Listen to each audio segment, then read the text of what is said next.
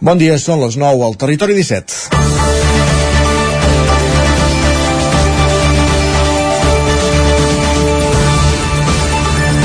L'exconsellera d'Ensenyament va ser-ho durant els fets de l'1 d'octubre de 2017 i actual eurodiputada de Junts per Catalunya, Clara Ponsatí, va travessar la frontera ahir per entrar a Catalunya, a la Catalunya del Sud i un cop aquí compareixer davant la premsa al Col·legi de Periodistes.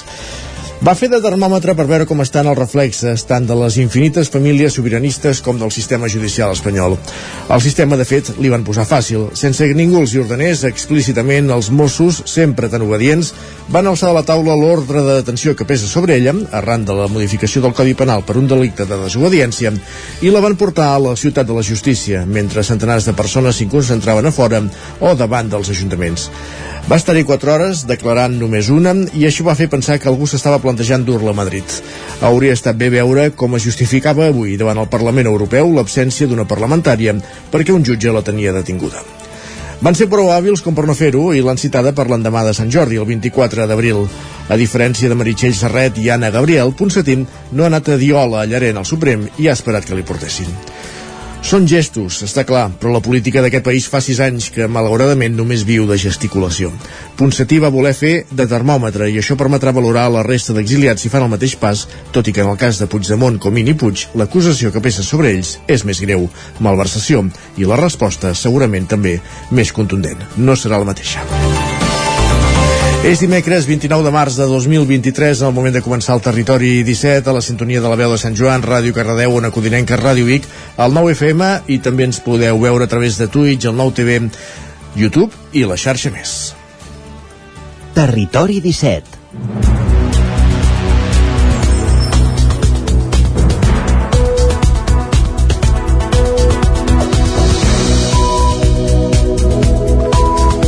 Dos minuts que passen de les 9 del matí d'aquest matí de dimecres 29 de març de 2023 en el moment de començar una nova edició del Territori 17, el magazín de les comarques del Vallès Oriental, l'Osona, el Ripollès i el Moianès que us fa companyia durant dues hores cada matí des d'ara fins al punt de les 11.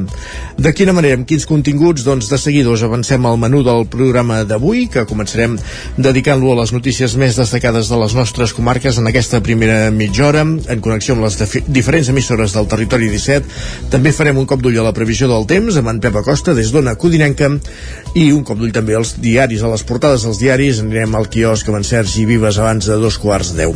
A aquesta hora, dos quarts, pugem al tren a la R3, a la Trenc d'Alba amb l'Isaac Muntades, recollint les cròniques dels oferts usuaris de la línia de tren R3, la Barcelona-Vic, Ripoll-Puigcerdà. L'AVE ja comença a fer gesticulacions per, per acostar-s'hi, també hi va, tenir, va ser un dia d'incidències a l'alta velocitat i després parlarem de trial a l'entrevista. Uh, parlarem de trial perquè la setmana que ve, durant els dies de Setmana Santa, entre el 7 i el 9 d'abril, se celebra una nova edició dels 3 dies trial de Santigosa. En parlarem amb un dels seus organitzadors del Motoclub Abadeses. Vindrà Pol Grais als estudis de la veu de Sant Joan. Conversarem amb ell i amb l'Isaac Muntades d'aquesta nova edició dels 3 dies trial de Santigosa.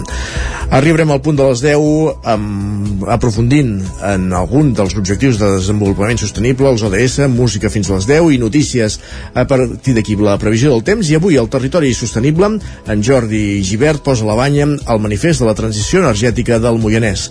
En Jordi Givert des d'Ona Codinenca. I a partir de dos quarts d'onze la recta final del programa d'avui eh, ens capbussarem a Twitter amb en Guillem Sánchez. Ens acompanyarà la Cristina Enfruns per ajudar-nos a parlar millor la nostra llengua, la llengua catalana i acabarem el programa al Lletra Ferits des d'Ona Codinenca Avui en Roger Rams conversant amb l'astròleg, terapeuta i veí de Sant Feliu de Codines, Josep Guarc, que ha publicat recentment el seu llibre L'alquímia de la personalitat. En parlarem, com dèiem, tots els detalls d'aquesta obra a la recta final del territori 17 d'avui, al Lletra Ferits. Aquest és el menú del dia, per tant, sense més, el que fem és posar-nos en dansa repassant les notícies de les nostres comarques, les comarques del Vallès Oriental, Osona, el Ripollès i el Moianès, les notícies del territori 17.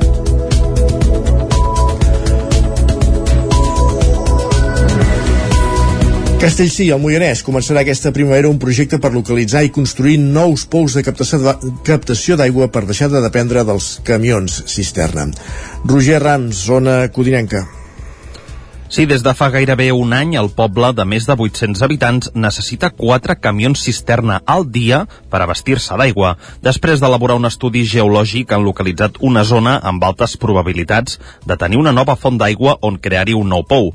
Eduard Guiteres, alcalde de Castellcí, explica que s'han de trobar alternatives per la situació actual de sequera pou que tenim de Santa Coloma que continua funcionant però com que no té prou capacitat per subministrar aigua a tota la població i a les empreses que, i a les empreses que hi ha a Castellcí, actualment diàriament ens estan pujant 4 cubes d'aigua que venen a ser uns 100.000 litres diaris, eh, que és un, és, un, és un consum com molt insostenible per una població d'uns 800 habitants com és Castellcí. Tenir un nou pou no només permetrà vestir el poble durant la sequera. Un cop es normalitzi la situació de l'abastament d'aigua, en aquest segon pou també s'ajudarà a fer que les dues altres fonts de captació d'aigua del poble tinguin una millor salut, tant el pantà de Castellcí com el pou actual conservi més aigua per tenir tres punts on captar l'aigua en lloc de dos. Ara actualment tenim ja uns pressupostos d'aquestes empreses perquè llavors doncs també eh, puguem ja començar el més aviat possible eh, a fer aquestes prospeccions i a veure si trobem aigua. Vull dir que eh, la intenció és ara aquesta, durant aquesta primavera doncs ja eh, a veure eh, si amb aquests estudis eh, tenim la sort de que on ens han marcat poguessin trobar el, algun altre pou. La manca d'aigua provocada per la situació de sequera s'ha notat més que en altres pobles de la comarca del Moianès a causa de la poca quantitat de fonts d'abastament d'aigua que té Castellcí, això sumat a l'augment de la població i també d'indústria alimentària al poble en els darrers anys. Gràcies, Roger. Més qüestions. Anem cap a la comarca d'Osona perquè l'Observatori Socioeconòmic d'aquesta comarca, que forma part de Creació, ha elaborat el sisè informe de la competitivitat d'Osona, que fa una diagnosi de la situació actual de la comarca i també planteja reptes i oportunitats de futur. Sergi Vives. La indústria agroalimentària és la majoritària, un sector que poc valora, que té poc valor que amb poc valor afegit i que també està vinculat al fort impacte ambiental de les dejeccions ramaderes de la contaminació contaminació dels aqüífers. Més del 40% de les fonts que regen a Osona tenen accés de nitrats i, segons l'informe, un 60% de la indústria d'Osona és de baixa tecnologia i una tercera part dels llocs de treball es podrien substituir per una màquina l'any 2030. En parla la tècnica de l'Observatori Sandra Alamo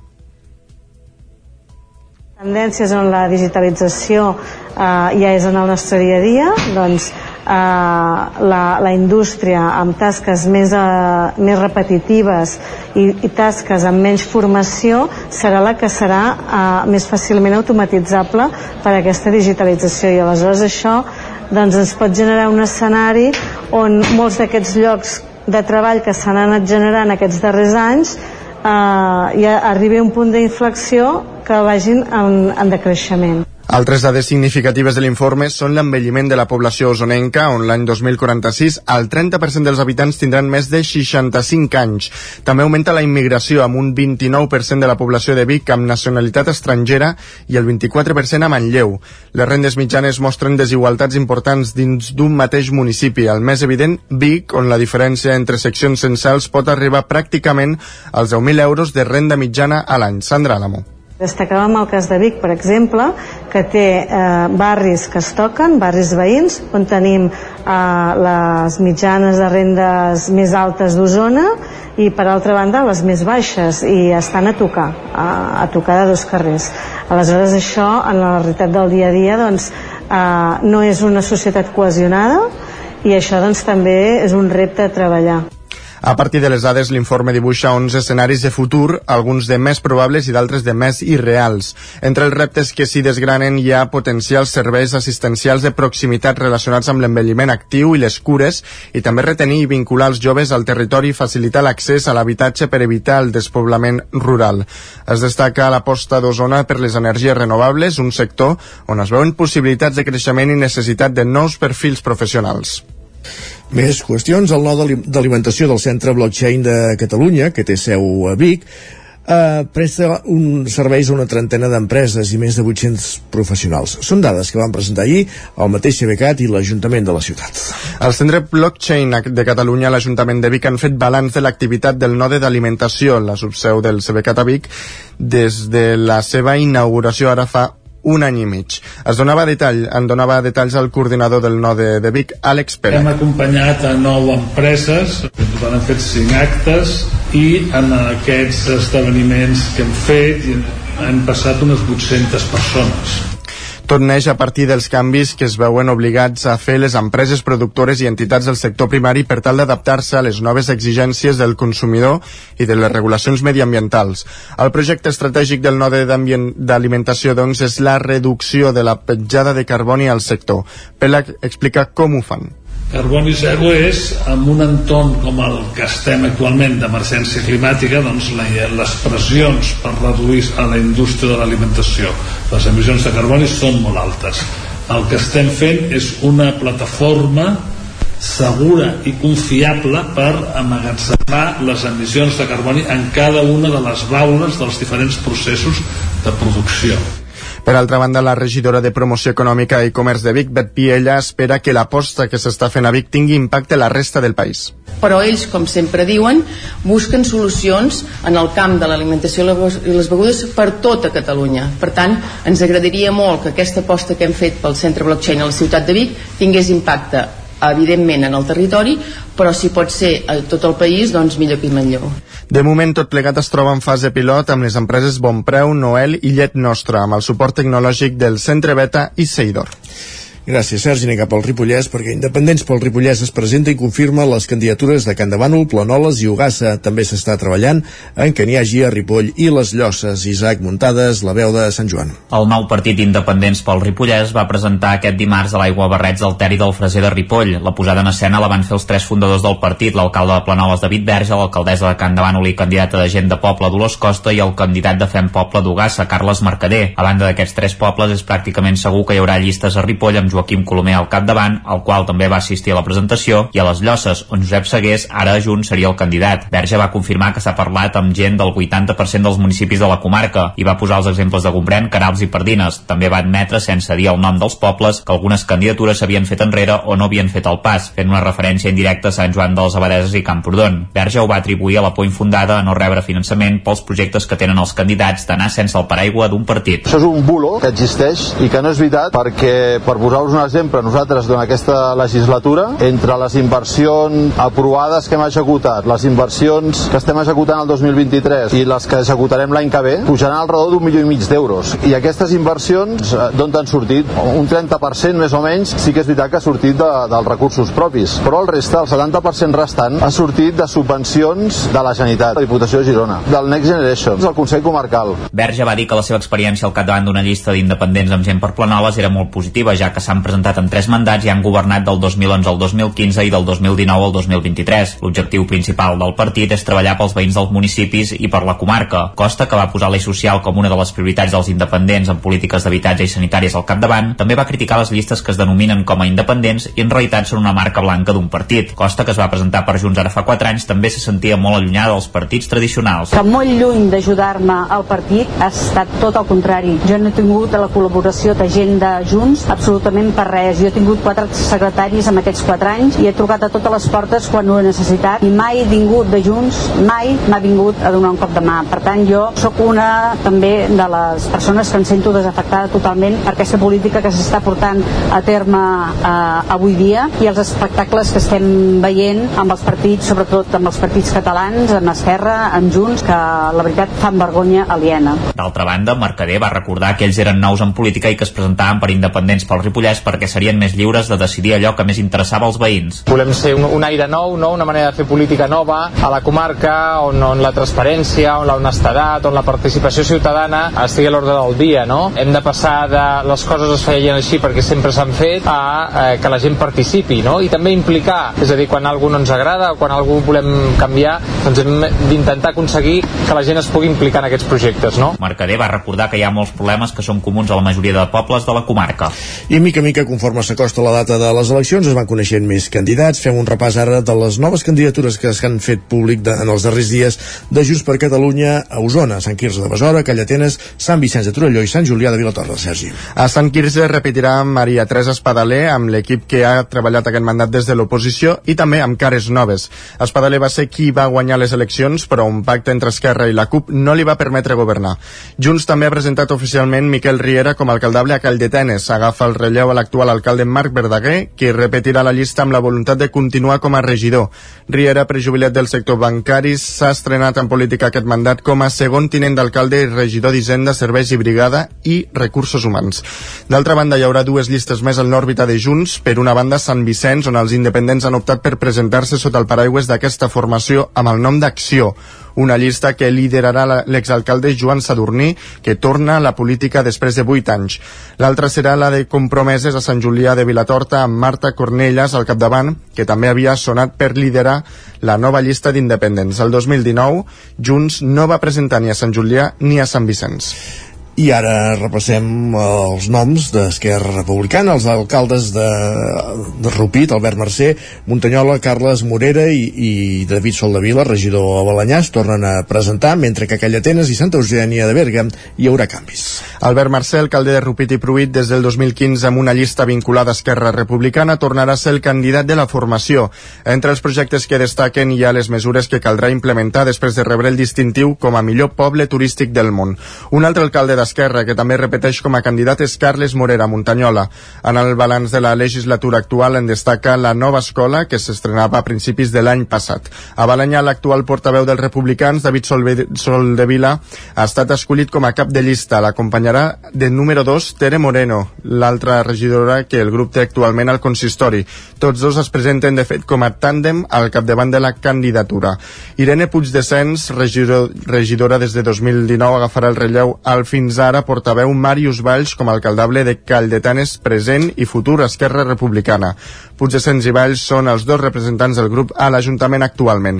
I som, Esque i som ERC de Santa Eugènia de Berga, que aglutina independents i republicans, tindrà de candidat a l'alcaldia Cristian Parres, que s'estrena en política. L'ara portaveu d'Esquerra a l'Ajuntament, Nayara Puigades, l'acompanyarà com a número 2. Actualment estan a l'oposició amb dos regidors. Gràcies, Sergi. I un últim apunt per explicar que hi ha una jornada solidària per a les malalties minoritàries a l'Institut Pla Marcell de Cardedeu. Pol Grau, Ràdio Televisió, Cardedeu.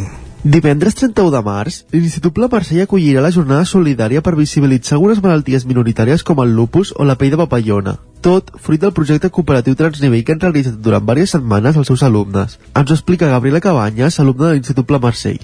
Hem creat un logo i un hashtag i, bueno, i un eslògan sobre les malalties minoritàries i hem contactat amb diferents associacions de diferents malalties minoritàries com era el lupus, que l'associació és la CLEC, eh, la pell de papallona, que hem contactat amb Debra, eh, després el síndrome de Red, amb Red Cat, i també amb Legado de Pol, que encara no és una associació, però és com una campanya que han creat els pares d'un nen que va tenir la malaltia, que és una malaltia que és una leucèmia rara. El projecte l'han realitzat els alumnes amb l'ajuda de mestres durant el mes de febrer i març, on han treballat diverses malalties, la salut i el benestar. Han repartit cartells a farmàcies, fleques i diversos establiments de la vila i escoles a primària. El 31 de març serà la jornada oberta a tot el poble. Qualsevol persona pot venir aquí a fer la nostra, la nostra jornada solidària i pot venir a córrer, a caminar, i llavors hi ha dos trets de sortida a les 10 i quart, que seria la primera, la primera, el primer tret, i o les 11 i quart que també podrien venir a, a, a caminar o a córrer. Aquí hi haurà molta, totes les associacions amb les que hem estat treballant per explicar i per conscienciar la gent també del, de les malalties i de les seves associacions per si, bueno, per si volen també aportar diners o per si volen simplement aprendre d'aquestes malalties o associacions. A banda de les escoles que hi participen, qualsevol persona pot participar divendres 31 de març amb el Dorsal Zero, on els diners es destinaran íntegrament i a parts iguals a les quatre associacions amb les que han participat en aquest projecte. Gràcies, Pol, i acabem aquí aquest repàs informatiu que començàvem al punt de les 9 en companyia de Sergi Vives, Pol Grau, Roger Rams i Isaac Muntades. Moment al territori 17 de la previsió del temps. Casa Terradellos us ofereix el temps. I per això anem fins a una codinenca on ens espera en Pep Acosta, el nostre home del temps. Pep, bon dia. Molt bon dia. Com estàs? Salutacions a tota la gent que fa possible el programa. Moltes salutacions també a tots els amics oients. Què tal esteu? Com va tot? Pel que fa al temps, poques novetats. Avui la nit podria una mica més freda. Uh, hi ha una petites glaçades a la zona del Pirineu 1, 2, 3 sota 0 uh, tot uh, estirada, baixada. Valors bastant normals per l'època de l'any. A l'interior molts valors, molts entre els 5 i els 10 graus. I ja costa trobar valors que baixin de nit per sota els 5 graus. I és que és normal, eh? ja hi ha moltes hores de sol eh, estem tocant ja a l'abril i, i ja no és època de, de glaçades, només és època de glaçades cap a la zona del Pirineu i a les zones més fredes de, de l'interior hi pot haver una tímida glaçada aquests pròxims dies però òbviament ha uh, molt menys importants, molt menys intenses i molt menys extenses. Uh, ja es van, es van acabar les glaçades normalment al mes de, de març encara n'hi ha, però a finals de març ja són molt menys habituals. I al mes d'abril hi ha només les zones de muntanya i potser, potser bona nit les hores més fredes de l'interior. Eh, però anirem veient com es, com es, eh, com es belluga, com es, eh, com es manifesta aquest mes d'abril durant els pròxims dies. Però encara estem al març, l'estem acabant, i avui serà un dia eh, molt tranquil, eh, anticicló a sobre, potent, eh, no es vol moure i, per tant, una situació molt, molt tranquil·la. Algun núvol cap al peritoral, molt poc important, ahir vam tenir quatre gotes, eh, molt poca cosa, avui ni tan sols quatre gotes, i a la tarda alguna petita nuvolada cap a zona del Montseny i cap a zona del Pirineu sense cap conseqüència. Núvols bonics, que no, no farà ploure ni de bon tros. El més destacat avui serà la pujada de temperatures. Uh, pujaran uh, entre 5 i 7 graus respecte a ahir. Ahir teníem màximes de, que, que va costar arribar als 20 graus, uh, molts llocs entre els 15 i els 18. Avui sobrepassarem els 20 de manera uh, important i en moltes zones uh, màximes de 20 a 24 graus a moltes, moltes poblacions. Eh, arriba aquest vent més escalfat entre Ponent i Sud i, per tant, farà disparar la temperatura. Ara poca cosa més destacable, només això, eh, aquesta pujada de temperatures, aquest sol i aquestes quatre nuvolades que hi haurà a la tarda a les zones de muntanya sense cap, sense cap conseqüència. Aviam, els mapes que diu la Sabana Guinent que pues, s'anim una mica, però no, no, no veig gaire clar, eh? I anem veient dia a dia eh, quin temps farà per Setmana Santa, perquè encara no, no puc eh, aclarir del tot. Moltes gràcies, bon dia. Gràcies, Pep, bon dia, parlem més tard. Casa Tarradellas us ha ofert aquest espai.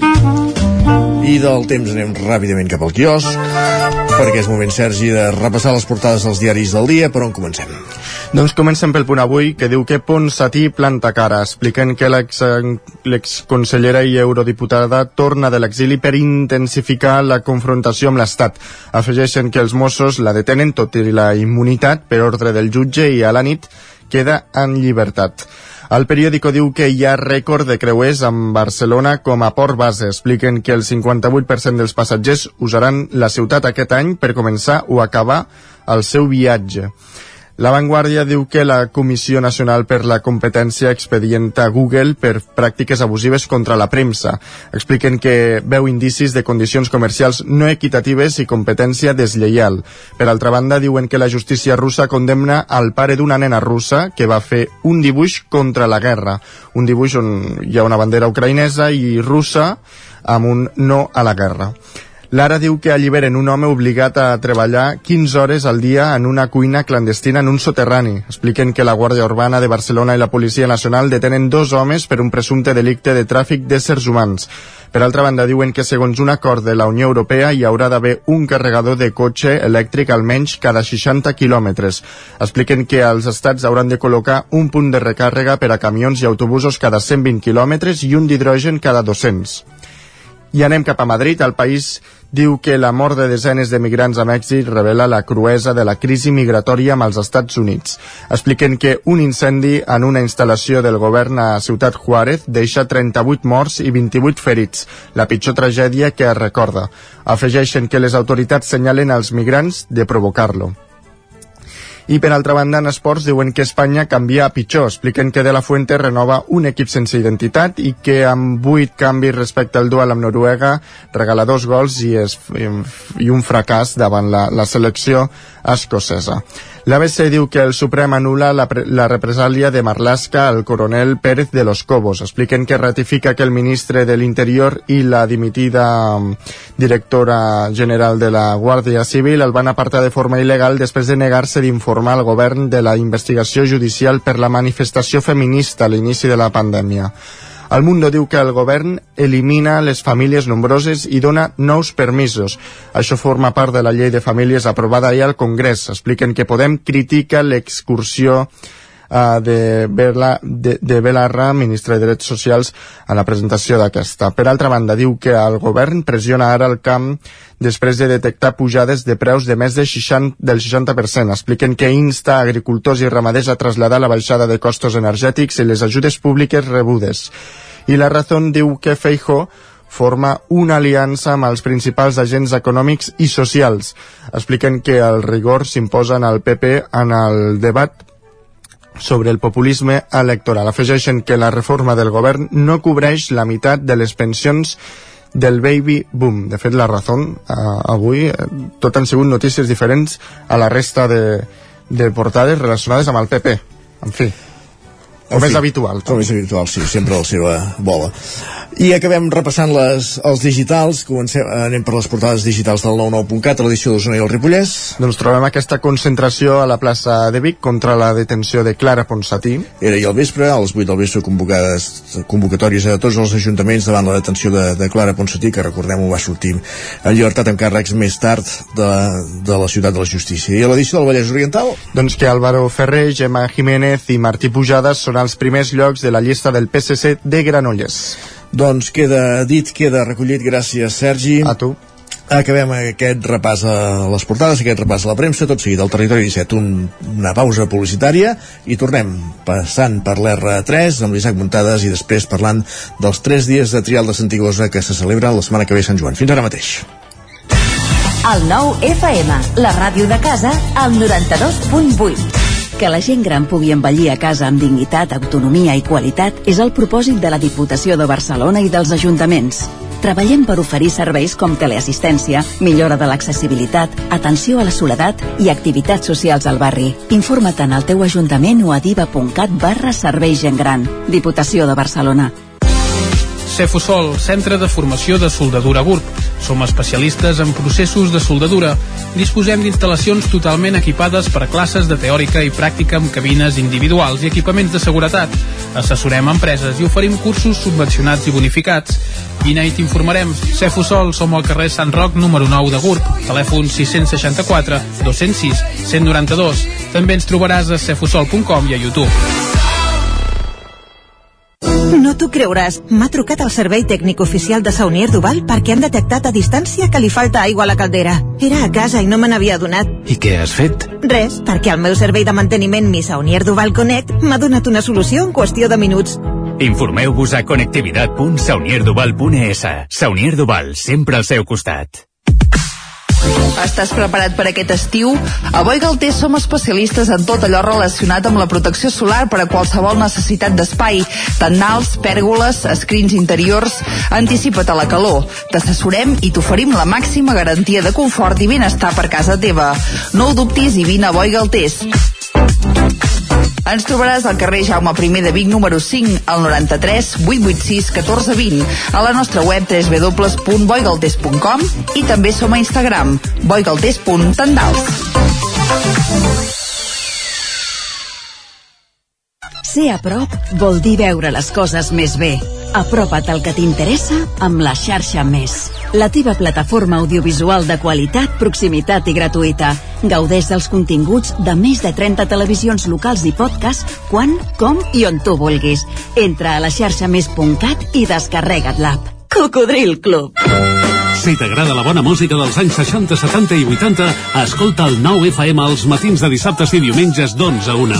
És el temps del Cocodril Club, tot un clàssic de la ràdio, amb les bases del pop-rock, les llegendes, les cançons que s'han convertit en autèntics himnes. Recorda, dissabtes i diumenges al matí, d'11 a 1, al 9 FM 92.8. Cocodril Club, el programa revival de l'Albert Malla. Hasta luego, cocodrilo. Anuncia't al 9FM. La màquina de casa. 9 3 8 8 9 4 9 4 9. Publicitat arroba al 9FM.cat. Anuncia't al 9FM. La publicitat més eficaç. El 9FM, el 9FM, el 9FM, el 9FM. Territori 17.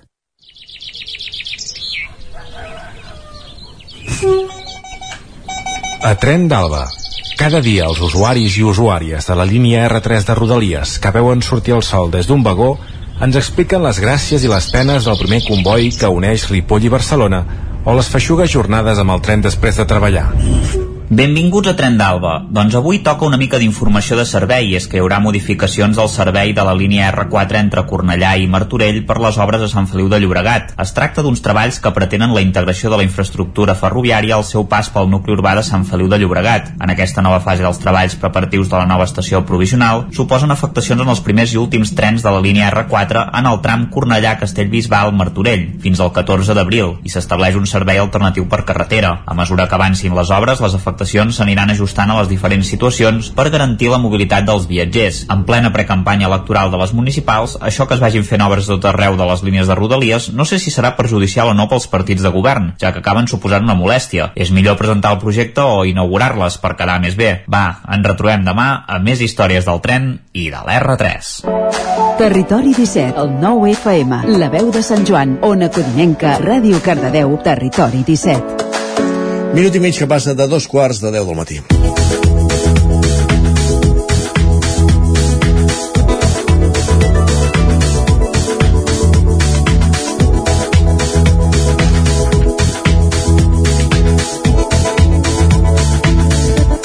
Els dies 7, 8 i 9 d'abril, els motors de les moto, motors de les motos tornaran a rugir a Sant Joan de les Abadesses en la 51a edició dels 3 dies trial de Santigosa organitzat pel Motoclub Abadesses. Després que l'any passat l'entitat celebrés el mig segle d'història de la prova esportiva més internacional del Ripollès, enguany també promet tenir força al·licients. Isaac Muntades, la veu de Sant Joan. Bon dia, Isaac. Sí, i per parlar-nos sobretot del que trobarem en aquests tres dies trial de Santigosa de Sant Joan de les Abadeses, tenim amb nosaltres a l'estudi de la veu en Pol Grice, que és membre del Motoclub Abadeses, i que ens donarà tots els detalls d'aquesta de, activitat. Bon dia, Pol, i moltes gràcies per ser avui a, aquí amb nosaltres al Territori 17. Bon dia, Isaac, i moltes gràcies a vosaltres per donar veu al Motoclub Abadeses i els tres dies trial Santigosa. Només faltaria, és una prova molt, molt important, i, i per començar, Pol, eh, una prova tan important sol tenir una participació participació molt important. No sé quins pilots tindreu aquest any i de quins països venen uh, majoritàriament. Tan important i tan orgullosos com poder dir que l'any passat van ser el 50 aniversari d'aquests tres dies trial Santigosa. Aquest any és la 50 51a edició i amb més ganes que tots els anys, com sempre. I tenim ja 230 inscrits confirmats, que el que cal destacar és que en 8 minuts es van emplenar més de 100 inscripcions i també destacar que és una prova internacional. Tenim prop del 20-30% de pilot estranger molt de França, molt d'Itàlia, Gran Bretanya, però també enguany ve gent de República Txeca, de Japó, de Costa Rica i de molts llocs del món que venen a Sant Joan de les Abadeses a, a participar en aquesta prova esportiva i, i a donar a conèixer els tres dies trials antigos a tot arreu. Uh -huh perquè quin, quin és el calendari del cap de setmana de Setmana Santa en què es disputarà el trial? Què, què es farà cada dia? Bueno, quan s'acaba l'edició de l'any anterior ja pràcticament estem preparant la, la, el següent any però el que li interessa a la gent ben bé són aquests tres dies de, de, de l'edició d'enguany que comença divendres dia 7, eh, dissabte dia 8 i diumenge dia 9 i l'horari bàsicament és cada dia els pilots surten a les 8 del matí i tenen una sortida escalonada cada minut hi ha aquests 230 pilots que segur que correran o intentaran finalitzar els 3 dies trials Santigosa, més alguna col·laboració i alguna invitació. Per tant, més de 230 motos, seguidors, motxilers, controls, voluntaris i molta gent posada i la finalització més o menys és a les 6 de la tarda cada dia. De 8 a 6 hi ha unes 30 zones repartides i la última, que està en el passeig de l'aparcament d'aquí Sant Joan de les Abadeses i es pot visualitzar per la gent que no vulgui anar a la muntanya o no, no vulgui desplaçar-se fins al mig de Santigosa i al mig de les nostres muntanyes per veure-ho. També ho podrà veure aquí al mig del poble i el dissabte, que és el dia potent, perquè sempre a l'arribada de l'últim pilot es fa una exhibició molt xula i el públic embogeix. Mm -hmm. Ah, precisament, parlem, si vols, a Pol, d'aquesta uh, exhibició, no?, perquè és el que t'anava a dir, eh?, sol venir primeres espades del trial i també pilots professionals, no sé quin és el cartell una mica de, dels pilots que tindrem, perquè n'hi ha alguns que només o participen un dia al trial o, o només estan a, a l'exhibició, no? Ah, exacte. Aquest any, com a pilots confirmats que realitzaran els tres dies trials Santigosa, així del nivell tenim l'Arnau Ferrer, que és uh, el, el, doncs el campió a batre, que és el guanyador de l'edició anterior. Uh, tenim també representant el món femení de l'esport en el trial a la Berta Bellan d'Escorpa, en Miquel Gelabert, que està practicant hard enduro, però no es vols perdre els tres dies trial Santigosa i també vindrà amb la seva escuderia Gas Gas. I després tenim molts pilots veterans que ja fa molt molts anys que venen, com en Marc Freixa, un gran pilot i un gran professional del món de l'esport i del motor, a l'Amos Bilbao, que els dos doncs, donarà la coincidència que tenen tanta fama i tanta experiència dins del món del trial que vindran amb els seus fills a córrer uh -huh. i després tenim pilots d'aquí Sant Joan amb molt potencial i amb moltes ganes de donar-ho tot també en la seva categoria uh -huh. Uh -huh. I com serà el recorregut de la competició cada dia? Quines zones mítiques tindrem en guany? Es, que es, podrà fer, es pot fer tot el que us heu proposat, diguéssiu, o heu de variar coses? Doncs mira, com que ja fa molts anys que els 3 dies trials Santigós és en modalitat non-stop, cada dia els pilots troben 30 zones diferents repartides per la muntanya en diferents sectors hi ha uns 40 quilòmetres de circuit per tant físicament ja comporta un gran desgast unes 30 zones i com que és un trial que ve gent de molt nivell i volem que hi hagi una bona classificació hi han unes 5 zones d'alta dificultat cada dia que el que permet és que els pilots més punters eh, juguin el liderat en aquestes zones que és molt important no deixar anar peus per poder aconseguir una millor classificació al llarg del dia i també al llarg dels 3 dies trial Santigosa. Ve algun pilot que només podrà venir un dia, però volen venir, tipus en Gratarola, que és un pilot del Mundial i estarà en un altre trial a França. Uh, venen pilots per fer exhibició el dissabte a la tarda i vingui qui vingui, realment el Santigosa s'ha de tenir un bon nivell físic, un bon nivell tècnic i amb molta preparació per afrontar aquest trial de llarga durada que per nosaltres és el millor del món i és el segon més antic de tot el món. Uh -huh. Uh, et volia preguntar, l'any passat es va iniciar un altre estudi uh, mediambiental, no? abans en parlàvem fora, fora de micros, no sé com ha anat, si s'ha acabat, això que es deia, eh? no sé si es podran fer totes les zones, si hi ha algunes zones que potser heu hagut d'eliminar de, per aquest motiu, o com està la situació? Ja no només l'any passat, el Motoclub Abadesa es treballa per cuidar l'entorn que ens envolta, per continuar-lo, per donar-lo a conèixer, però sobretot per conservar-lo i cuidar-lo com bé dius Isaac, es va fer un estudi mediambiental gràcies a professionals com Actop, empreses de geotècnia, de geografia i de registrament de dades, com poden ser la qualitat de les aigües per on nosaltres passem en moto, o la qualitat de la biodiversitat i diferents espècies que hi han en els trams per on nosaltres passem amb la moto, i també veure els trams que no hi hem passat, què ha passat. Doncs el que et puc dir és que per on passen les motos eh, no es veu pràcticament diferència en tema biodiversitat i en tema qualitat de l'aigua. Per tant, creiem que no estem fent cap cosa dolenta i al revés. En tema tallafocs, en tema ajudar que la muntanya es mantingui i a tenir-ho tot net i endreçat, eh, practiquem una gran tasca i tots els particulars per això en any rere any ens deixen passar pels seus dominis i territoris. I aquesta zona de trial l'estem a punt d'aconseguir perquè la dinàmica és molt positiva i esperem doncs que l'ACA, l'Agència Catalana de l'Aigua, Medi Ambient, Territori i eh, agents rurals i de més eh, ens permetin fer-ho com cal i bé i sense haver de patir cada any si ens ho deixaran fer o no i poder assolir els 100 anys, com aquell qui diu, del trial Santigosa i amb una bona àrea de trial per poder practicar aquest esport que a Catalunya som tan puntals. Ara ho, ho apuntaves, no, no haver de patir cada any per si es podrà fer, creieu que amb aquest estudi la cosa queda resolta, perquè algun any sí que ha perillat l'edició, no?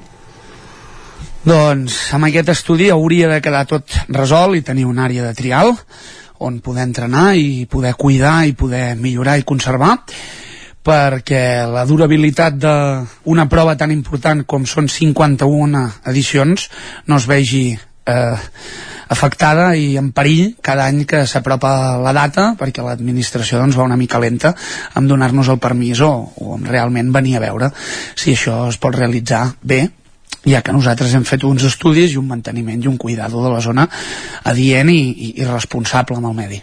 Uh -huh. uh, aquest any també, Pol, hi haurà concurs fotogràfic, no? Suposo, no sé com funcionarà.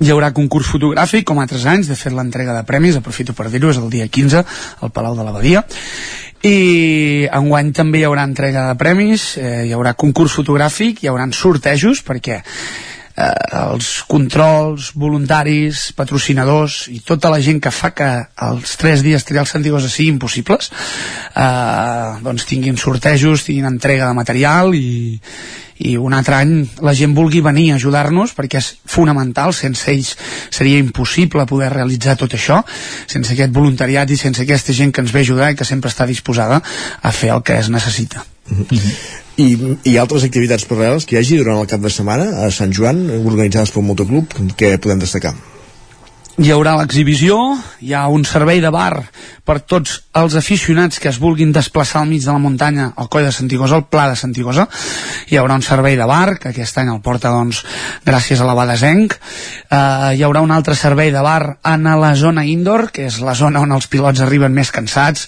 Els familiars doncs ja esperen l'arribada i la confirmació de que han aconseguit acabar un altre dia d'aquests tres dies trial Santigosa els seus familiars, companys o companyes.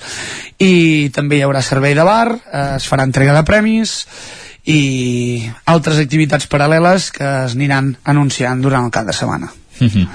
Uh, no sé com veus també, abans ho apuntaves, eh, el futur de, dels pilots locals uh, d'aquí de, de Sant Joan, uh, per exemple, un, un exemple d'un de, dels que està despuntant ara és l'Aniol Llames, tu me'n comentaves dates, no sé si me'n pots parlar i, i em sembla que estan inscrits i, i la pregunta rei, uh, que es fa a tothom és si alguna vegada veurem algun Sant Joaní guanyar el Santicós, em sembla que algun Ripollès sí que l'ha aconseguit guanyar, però Sant Joaní encara, encara mai, hi ha futur, no?, en aquest sentit. Doncs gràcies per la pregunta, Isaac, perquè, mira, aquí Sant Joan sempre sempre s'ha apostat moltíssim gràcies a l'Ajuntament, gràcies a totes les entitats que han apostat pel trial i per l'esport català. Uh, hi ha una escoleta de trial hi ha una escoleta de bike trial ja s'estan fent moltes tasques per, per, per ser punters un altre any en aquest esport. I com tu dius hi ha l'Aniol Llames que el seu palmarès parla per si sol. Subcampió de Catalunya, subcampió d'Espanya en la seva categoria cadet. I això la gent que no practica trial dedica moltes hores d'entreno moltes hores de mecànica moltes hores de companyerisme amb el seu company i motxiler eh, que aprofitem per donar-li ànims que es va lesionar molts ànims Bunke i hi haurà també en Guillem Ferrés amb la categoria júnior un nano que no fa gaire anys, que fa trial i ja ens dona mil voltes a tots. I també hi haurà doncs en Marc Planella que són nanos joves que pugen molt forts perquè han practicat trial des de sempre. I la pregunta de guanyar-lo jo et diria que simplement acabar els tres dies trial Santigosa és un premi per tothom perquè no ho pot dir molta gent. I tant de bo el guanyen, però hi ha molt nivell, costa molt i és un trial molt físic i molt complicat. Abans parlaves també, Pol, de, de, la, de, de la gent que hi ha involucrada, de tots els voluntaris que, que formen part de l'organització que us ajuden a, a fer possible el trial any rere any no ha de ser fàcil tenir en compte que a més es fa en plenes dates de Setmana Santa que en els darrers anys la gent acostuma a, a marxar.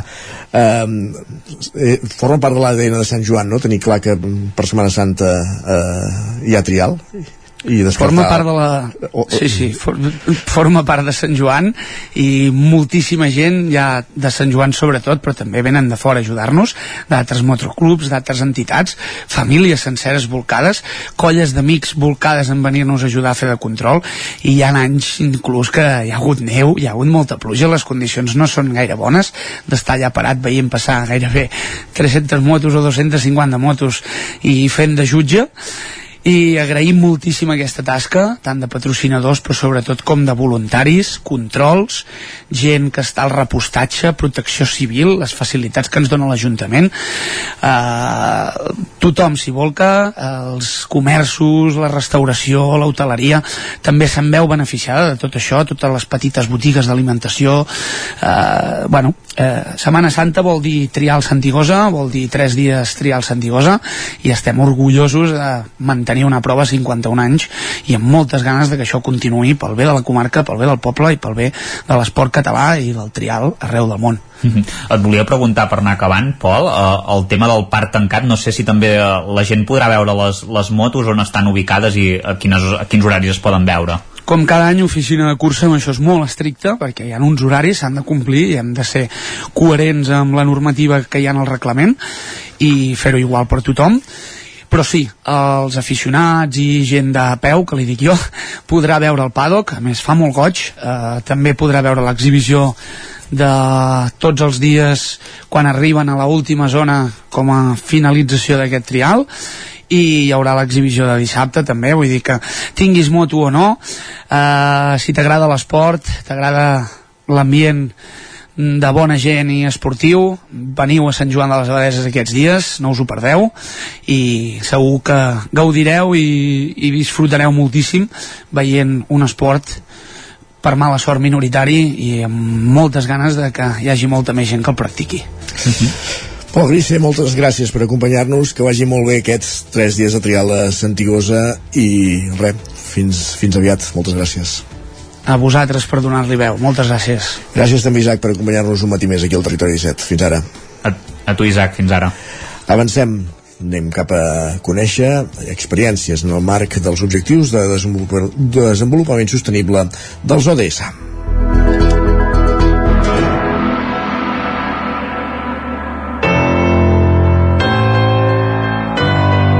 Territori, Territori 17. 17. Territori 17.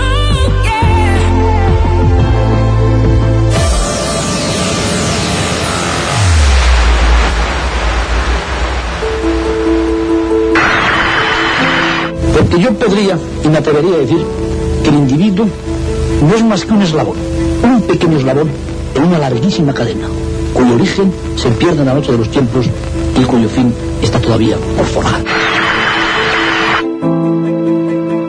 L'aleteig d'una papallona es pot sentir a l'altra punta del món.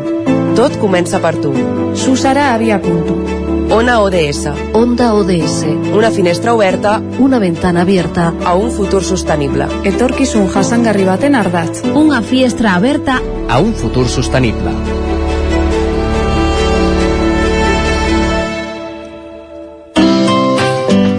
La Laia Grill és la pubilla de Cal Rossill, pagesa i ramadera a Peramola, a l'Alt Urgell. Té 23 anys, ha estudiat Global Studies a la UPF i té un màster d'edició de llibres, però ha triat el primer sector per treballar a la granja de boví de llet familiar. També és membre de l'executiva de joves d'Unió de Pagesos. Laia Grill, benvinguda, com estàs? Pues molt bé aquí amb les vaques. T'enganxem treballant, oi? Sí, sí, sí. I segurament les sentirem de fons. Sí, és bastant possible, sí, o el tractor... O... Bueno. tu ets una dona jove, tens 23 anys i vas tenir clar des de l'inici que volies dedicar-te eh, al món de la ramaderia. Vosaltres a casa feu eh, tenir una explotació familiar de vaques de llet. Correcte. Pues, la veritat és que no. Jo vaig anar a estudiar a la universitat i durant el batxillerat tampoc no ho tenia clar. Sí que en algun moment vaig pensar, bueno, podries estudiar veterinària i tal, per ja després sí que dedicar-me a la granja, però no, no ho vaig acabar fent perquè sóc de lletres i no se'm va fer una muntanya i, i al final bueno, tampoc no m'ha fet falta vull dir, m'hi estic dedicant sense haver estudiat res relacionat amb, amb la pagesia, ni amb la ramaderia, ni res. Uh -huh. eh, i, I al final el que t'ensenyen a casa i una mica d'assessorament extern pues, és tot el que necessites, no? Tu te'n vas d'estudiar, vas fer Global Estu Studies, que és com una mena de relacions laborals, o vas fer internacionals, perdó, a la, UP, sí. a la UPF, i Correcte. també vas fer un màster d'edició de llibres. Això va sí. ser durant la pandèmia. La pandèmia també va fer que tornessis a casa i que et sentissis el caliu de, de, doncs de la casa i... Sí, sí, jo crec que a lo millor sense la pandèmia pues, si hagués encadenat els estudis amb alguna feina a Barcelona o així i potser, potser no hagués tornat. O, o potser sí, no ho sabrem mai. Sí que mentre estudiava també pujava cada cap de setmana i sempre tenia moltes ganes d'estar aquí dalt perquè, bueno, òbviament pues, la qualitat de vida comparat amb la ciutat no té res a veure.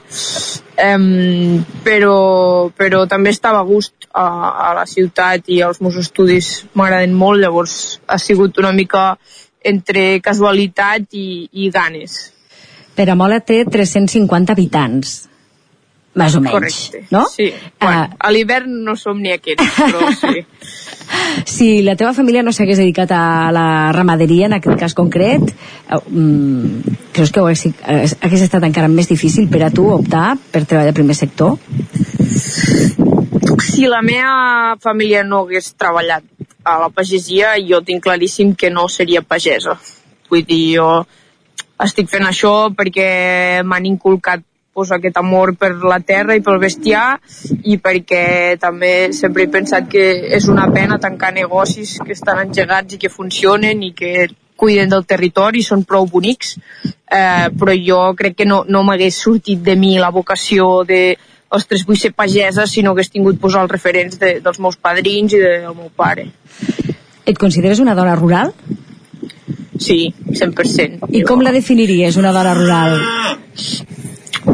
Bueno, una dona rural és, és una dona que pertany a una comunitat rural, que vol dir doncs, més o menys pobles petits, amb zones més o menys remotes, en funció dels recursos que hi ha, més o menys mm, ben o mal connectades a la resta de la societat urbana.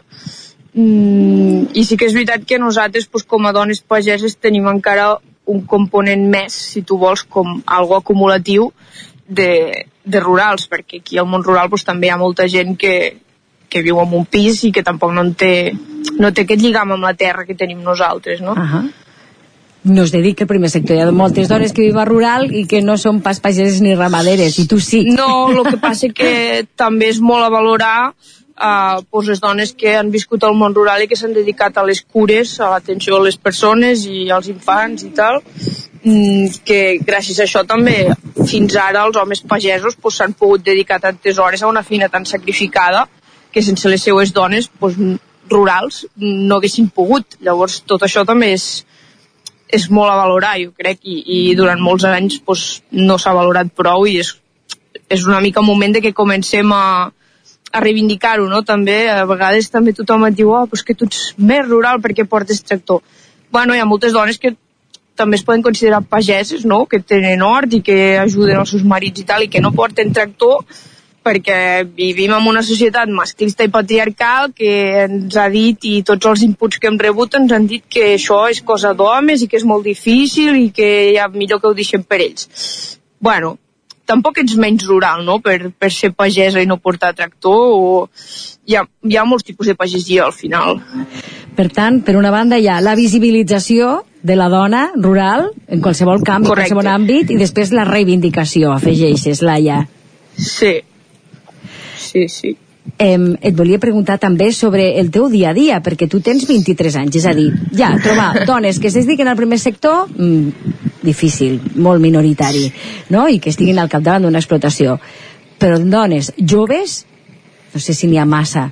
Sí, aviam, no n'hi ha perquè és una feina que sempre s'ha vist com molt dura i molt sacrificada i, i físicament pues, quan plou i quan fa fred i quan has d'aixecar sacs que pesin més que tu pues, sembla que els homes, no sé, tenen, ho han d'aguantar millor o no sé però ja són els mateixos pagesos i, i padrins sobretot que han dit a les seves nenes o netes eh, no nena no t'hi dediquis vol més que faigues una altra cosa bueno jo penso que les famílies contentes han d'estar les que tenen noies com jo, jo no tinc germans, um, que volen seguir, perquè prou malament està el relleu generacional de la pagesia, no?, com perquè a sobre, pues, ja només per ser dona descartem aquesta possibilitat de tirar endavant l'explotació familiar. Tu ets també membre de la sectorial de joves de, i de, de, de Boví de Llet en concret, d'Unió de Pagesos. Per Correcte. tant, de seguida també has tingut ganes de posar-te amb organitzacions agràries? Sí, el, el meu pare ja hi va estar també uns quants anys a diverses organitzacions diferents, vull dir que també ho hem amat de casa, um, i, i no concebo gaire la pagesia i menys amb el context que està ara de, de profunda crisi econòmica i, i social també de, de menys teniment um, sense intentar vehicular una mica a, a aquestes demandes que tenim, no? de que es reconegui la nostra feina, que se'ns pagui un preu just, etc. No, no, no podria treballar de pagesa sense l'activitat sindical o, o tenir algun espai on poder realment pues, debatre i traslladar aquestes coses que, que ens passen a tots al final. Et volia preguntar també, com dèiem, Laia, tens 23 anys, ets una dona jove, eh, tens un Instagram fantàstic, què et pregunta la gent? Perquè, clar, per una banda, deu d'haver la idealització, uah, que guai que tu tot el dia treballes a l'aire lliure, no? O a l'inrevés, uah, que difícil viure en un poble de 300 i poc habitants. Bueno, hi ha una mica de burla, a vegades et pregunten que si teniu wifi, que si no sé què, saps? Com si visquéssim, no sé, a la prehistòria, i de vegades t'ho agafes bé i de vegades estàs tan cansat de lluitar al sindicat i de la desigualtat territorial que hi ha de recursos que, jo que sé, hi ha molts llocs del meu poble que encara no tenim fibra òptica i t'has de pagar tu internet per satèl·lit mm, que al final canses, saps? Vull dir, la gent fa comentaris innocents, però dius, és que no en tens ni idea, saps, de que també intentem nosaltres des del món rural, amb els recursos que tenim, pues, progressar i ser membres funcionals i normals de la societat eh, com perquè a sobre et facin aquest tipus de comentaris, no? Pues intenta'ls agafar-t'ho en broma, girar la truita, però sí, de vegades molesta una mica, no? O també que de seguida et senyalin amb el dit perquè, ui, les vaques de llet són les que més contaminen. Bueno, aquí hi ha moltes estadístiques a debatre. Eh, i, i també que m'expliquin què, què menjarem, no? Si no hi ha ramaderia, vull dir, és, és complicat. És molt més fàcil com a jove eh, ser vegà i viure al mig de Barcelona i ser el que porta la roba més guai. Però, però bueno, jo crec que és una convicció que, que tenim molta gent que vivim al camp i que, i que l'hem de seguir defensant. Vull dir, a mi no, aquest tipus de comentaris ni m'afecten ni, els intentes portar pues, el millor que es pot, no? Segurament no has buscat, però t'has convertit en un referent. Dona jove pagesa de muntanya. amb un sector bueno, que, a més jo... a més, no és un sector ni és porcí ni és el de la fruita dolça, eh? és el sector boví de llet que, déu nhi normalment, que, que ho està sí, passant i des de fa temps. Sí, som dels sectors que més han patit, sí. Et sents referent? No em sento gaire referent, per qui crec que hauria de ser referent, no?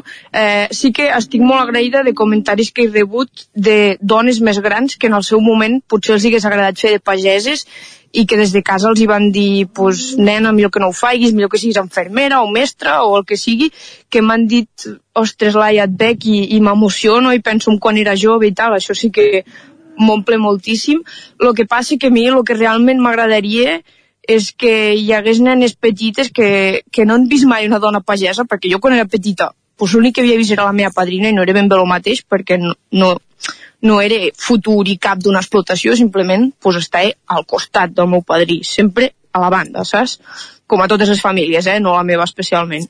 um, i, i sí que m'agradaria pues, que realment aquestes nenes petites sí que mirin i hi ha organitzacions com per exemple Dones del món rural o des de Dones mateix d'Unió de Pagesos que sí que treballen pues, per visibilitzar que, que hi ha moltes més dones de les que sembla a la pagesia i que, que és un ofici preciós i que hi ha, hi ha molta ajuda i molta solidaritat entre veïns i que per ser dona doncs, no has de sentir que no pots o que encara que faltin referents vull dir s'han de buscar i, i s'han de visibilitzar i sobretot visibilitzar el que ja es va fer en el seu moment i es va tapar, no? perquè ara és molt fàcil jo des de l'Instagram o els mitjans o el que sigui sortir a parlar i explicar el que fa i dir que no és res de l'altre món ni és res complicat però el més difícil és com visibilitzar pues, la feina de totes les pageses que hi han vingut i que no tenien totes aquestes eines que tenim ara al jovent i, i això és una mica la, la meva lluita o la meva percepció de, de com està el sector de cara a la visibilització de la dona. No? Hi, ha, hi ha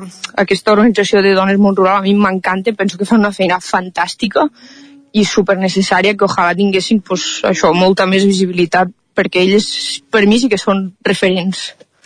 Laia Grill, gràcies pel teu testimoni.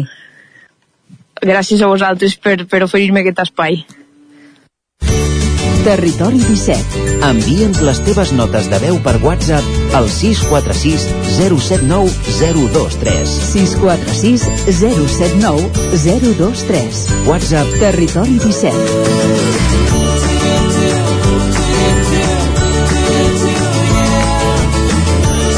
Territori 17. Som a Facebook, Twitter i Instagram amb l'usuari Territori 17.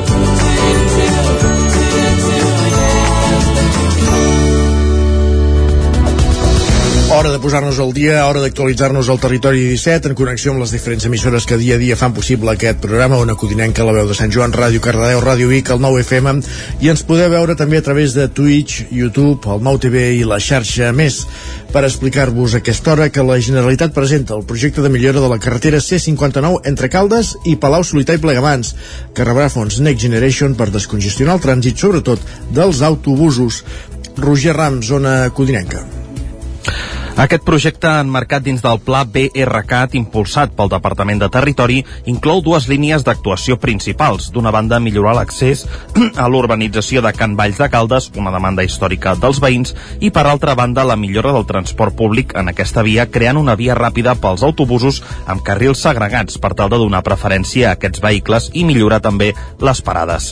El secretari de Mobilitat i Infraestructures del govern català, Marc Senglàs, explica en què consisteix el BRCAT el BRCAT Caldes Palau, treballant en un projecte de 13, 13 BRCATs en tot el país, de moment en tenim 6 que són els que estan més avançats, són eh, projectes que hauran d'estar licitats eh, abans de, fin, de final d'aquest any i en execució durant abans del, de l'any 25. Diguem, o l'àmbit diguem, dels BRCATs és la, la nova modalitat eh, diguem, que volem posar en, en servei al país, en àmbits on hi ha molta congestió creiem que aquests carrils segregats o de preferència ens donarien molta més facilitat diguem, de, de trasllat en transport públic Segons apunta l'alcalde de Caldes de Montbui, Isidre Pineda, aquesta és l'actuació més important que la Generalitat ha fet a Caldes en els darrers anys.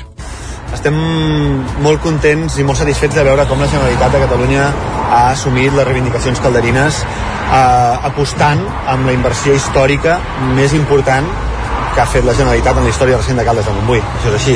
Aquests 9 milions d'euros són una inversió molt destacable i molt rellevant. Era evident que la C-59, doncs, eh, com hi ha problemes de congestió, era evident que hi havia problemes de seguretat als quals eh, feia falta afrontar fins ara el tram de la C59 que travessa la zona de Can Valls ja s'hi han fet algunes actuacions de millora, com ara canviar les senyals verticals, limitar la velocitat a 60 km per hora i remarcar els carrils d'incorporació de color vermell per tal que siguin més visibles, però encara hi ha prevista una segona fase d'actuació, segons apunta el director general d'Infraestructures de Mobilitat, David Prat. Dues rotondes, una a l'accés Caldes Sud, que també millorarà moltíssim l'accés, que aquest és un punt que tenia ara també congestió, un punt complex a la ciutat, i una altra rotonda a, aquí, a l'accés a Can Valls. Per tant, aquest accés a Can Valls tindrà també una segona fase de millora, que és amb aquesta rotonda que facilitarem molt l'entrada i la sortida. En aquest projecte del BRCAT, a part de fer rotonda, afegirem dos carrils busos exclusius per l'autobús en sentit Barcelona i en sentit Caldes i per tant això serà una millora molt clara de l'oferta i també portarà afegit una millora de les parades a banda, també es construirà una nova via ciclista compartida amb vianants que connectarà directament i de forma segura Caldes i Palau. Tot plegat s'espera que tingui un cost total de 9 milions d'euros provinents dels fons Next Generation. Aquesta actuació passarà a la seva fase de licitació aquest proper mes de juny i s'espera que tot plegat estigui enllestit al 2025. Gràcies, Roger. Més qüestions anem cap al Ripollès. Tots fem Ribes acusa el marit de l'alcaldessa de Ribes de Freser, Joan Manso, d'exercir de segon alcalde i de fer reunions de les candidatures de Junts al consistori. Isaac Muntades, la veu de Sant Joan.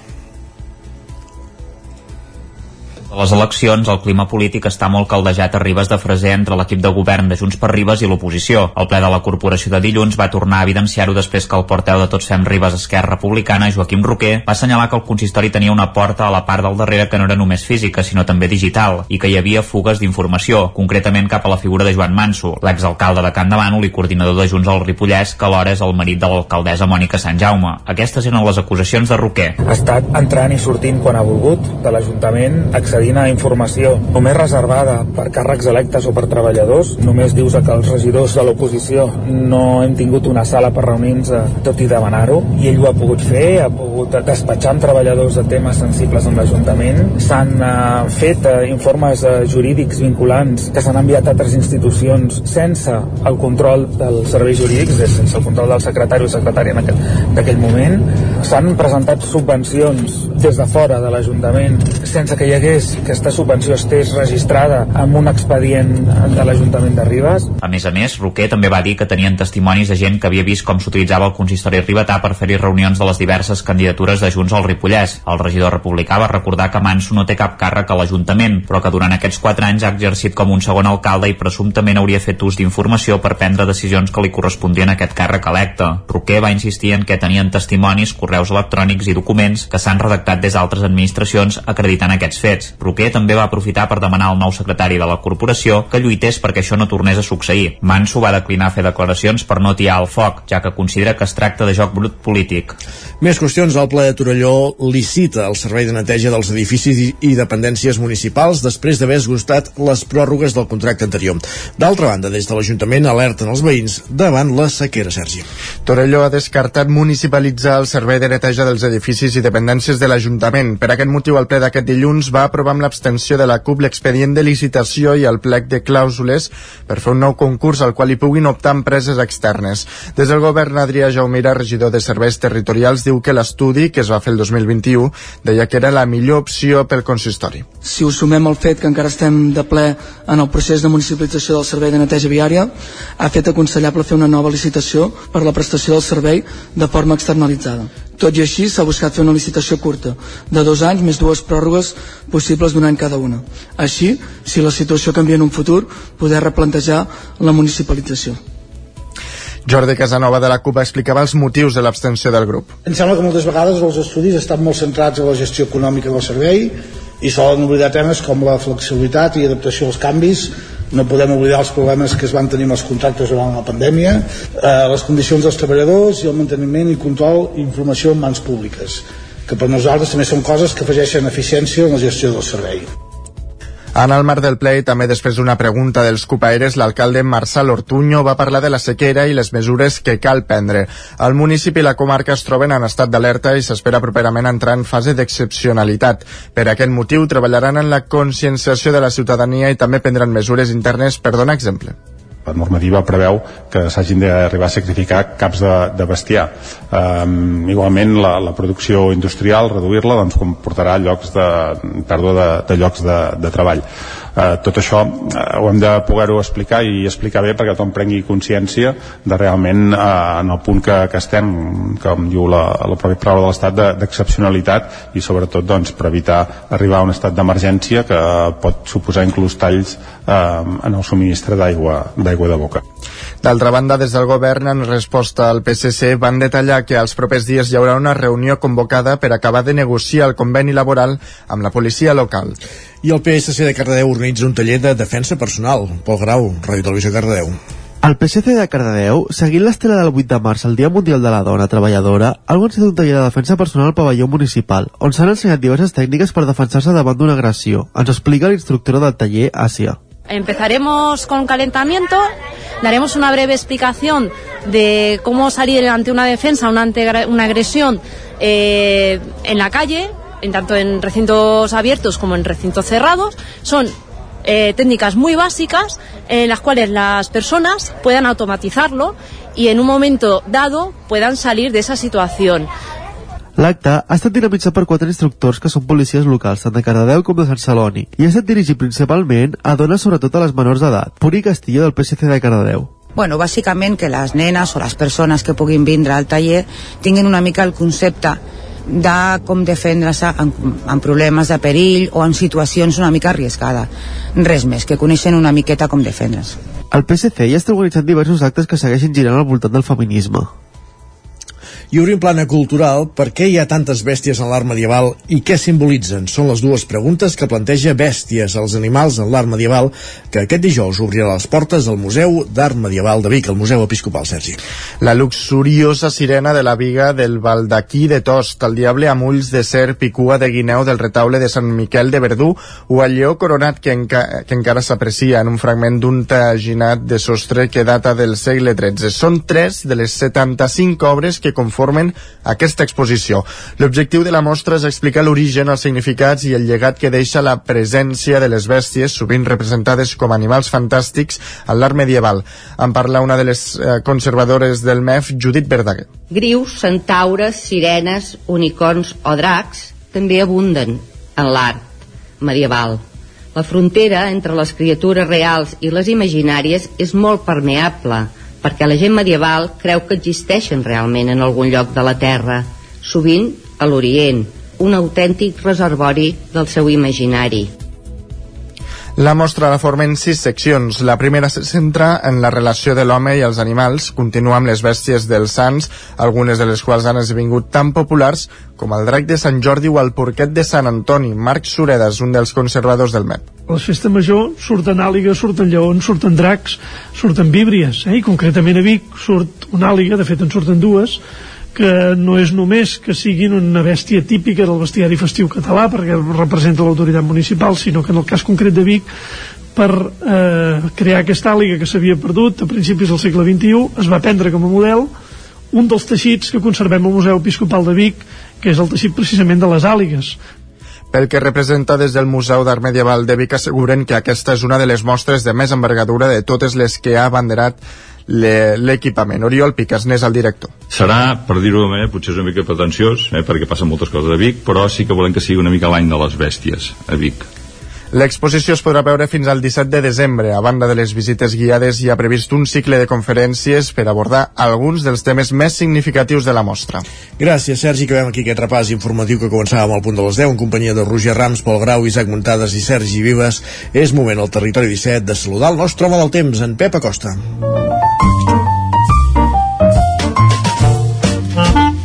Casa Terradellos us ofereix el temps. Volem saber el temps del dia. Pep Acosta, benvingut, bon dia de nou. Molt bon dia. Què tal? I avui serà un dia uh, molt tranquil, uh, anticicló a sobre, potent, uh, no es vol moure, i per tant una situació molt molt tranquil·la algun núvol cap al peritoral molt poc important ahir vam tenir quatre gotes eh, molt poca cosa avui ni tan sols quatre gotes i a la tarda alguna petita nuvolada cap a zona del Montseny i cap a zona del Pirineu sense cap conseqüència. Núvols bonics que no, no farà ploure ni de bon tros. El més destacat d'avui serà la pujada de temperatures. Uh, pujaran uh, entre 5 i 7 graus respecte a ahir. Ahir teníem màximes de, que, que va costar arribar als 20 graus, uh, molts llocs entre els 15 i els 18, avui sobrepassarem els 20 de manera eh, important i en moltes zones eh, màximes de 20 a 24 graus a moltes, moltes poblacions. Eh, arriba aquest vent més escalfat entre Ponent i Sud i per tant farà disparar la temperatura. Ara poca cosa més destacable només això, eh, aquesta pujada de temperatures, aquest sol i aquestes quatre nuvolades que hi haurà a la tarda a les zones de muntanya sense cap, sense cap conseqüència. Aviam, els mapes que diu la setmana vinent que pues, tenim una mica, però no, no, no veig gaire clar, eh? I anem veient dia a dia eh, quin temps fa per Setmana Santa, perquè encara no, no puc eh, aclarir del tot. Moltes gràcies, bon dia. Casa Tarradellas us ha ofert aquest espai. Un minut i mig perquè sigui un quart d'onze, anem cap al territori sostenible. La secció que ens, poda, que ens porta cada dimecres en Jordi Givert des d'Ona Codinenca i que avui dediquem a la trans, al manifest per la transició energètica al Moianès. Jordi Givert, benvingut una setmana més, bon dia. Territori sostenible, volem parlar sobre el manifest que des de Moianès Sostenible han impulsat en col·laboració amb l'entitat El Fanal eh, sobre la transició energètica a la comarca. Per fer-ho tenim amb nosaltres el Ramon Crespiera, que és el vocal de Moianès eh, Sostenible i ens donarà els detalls sobre com estan anant eh, els passos de la cooperativa des de la seva creació i també ens parlarà d'aquest nou manifest que, que estan impulsant amb aquesta altra entitat de, de la comarca. Hola Ramon, bon dia. Hola, bon dia, bona tarda.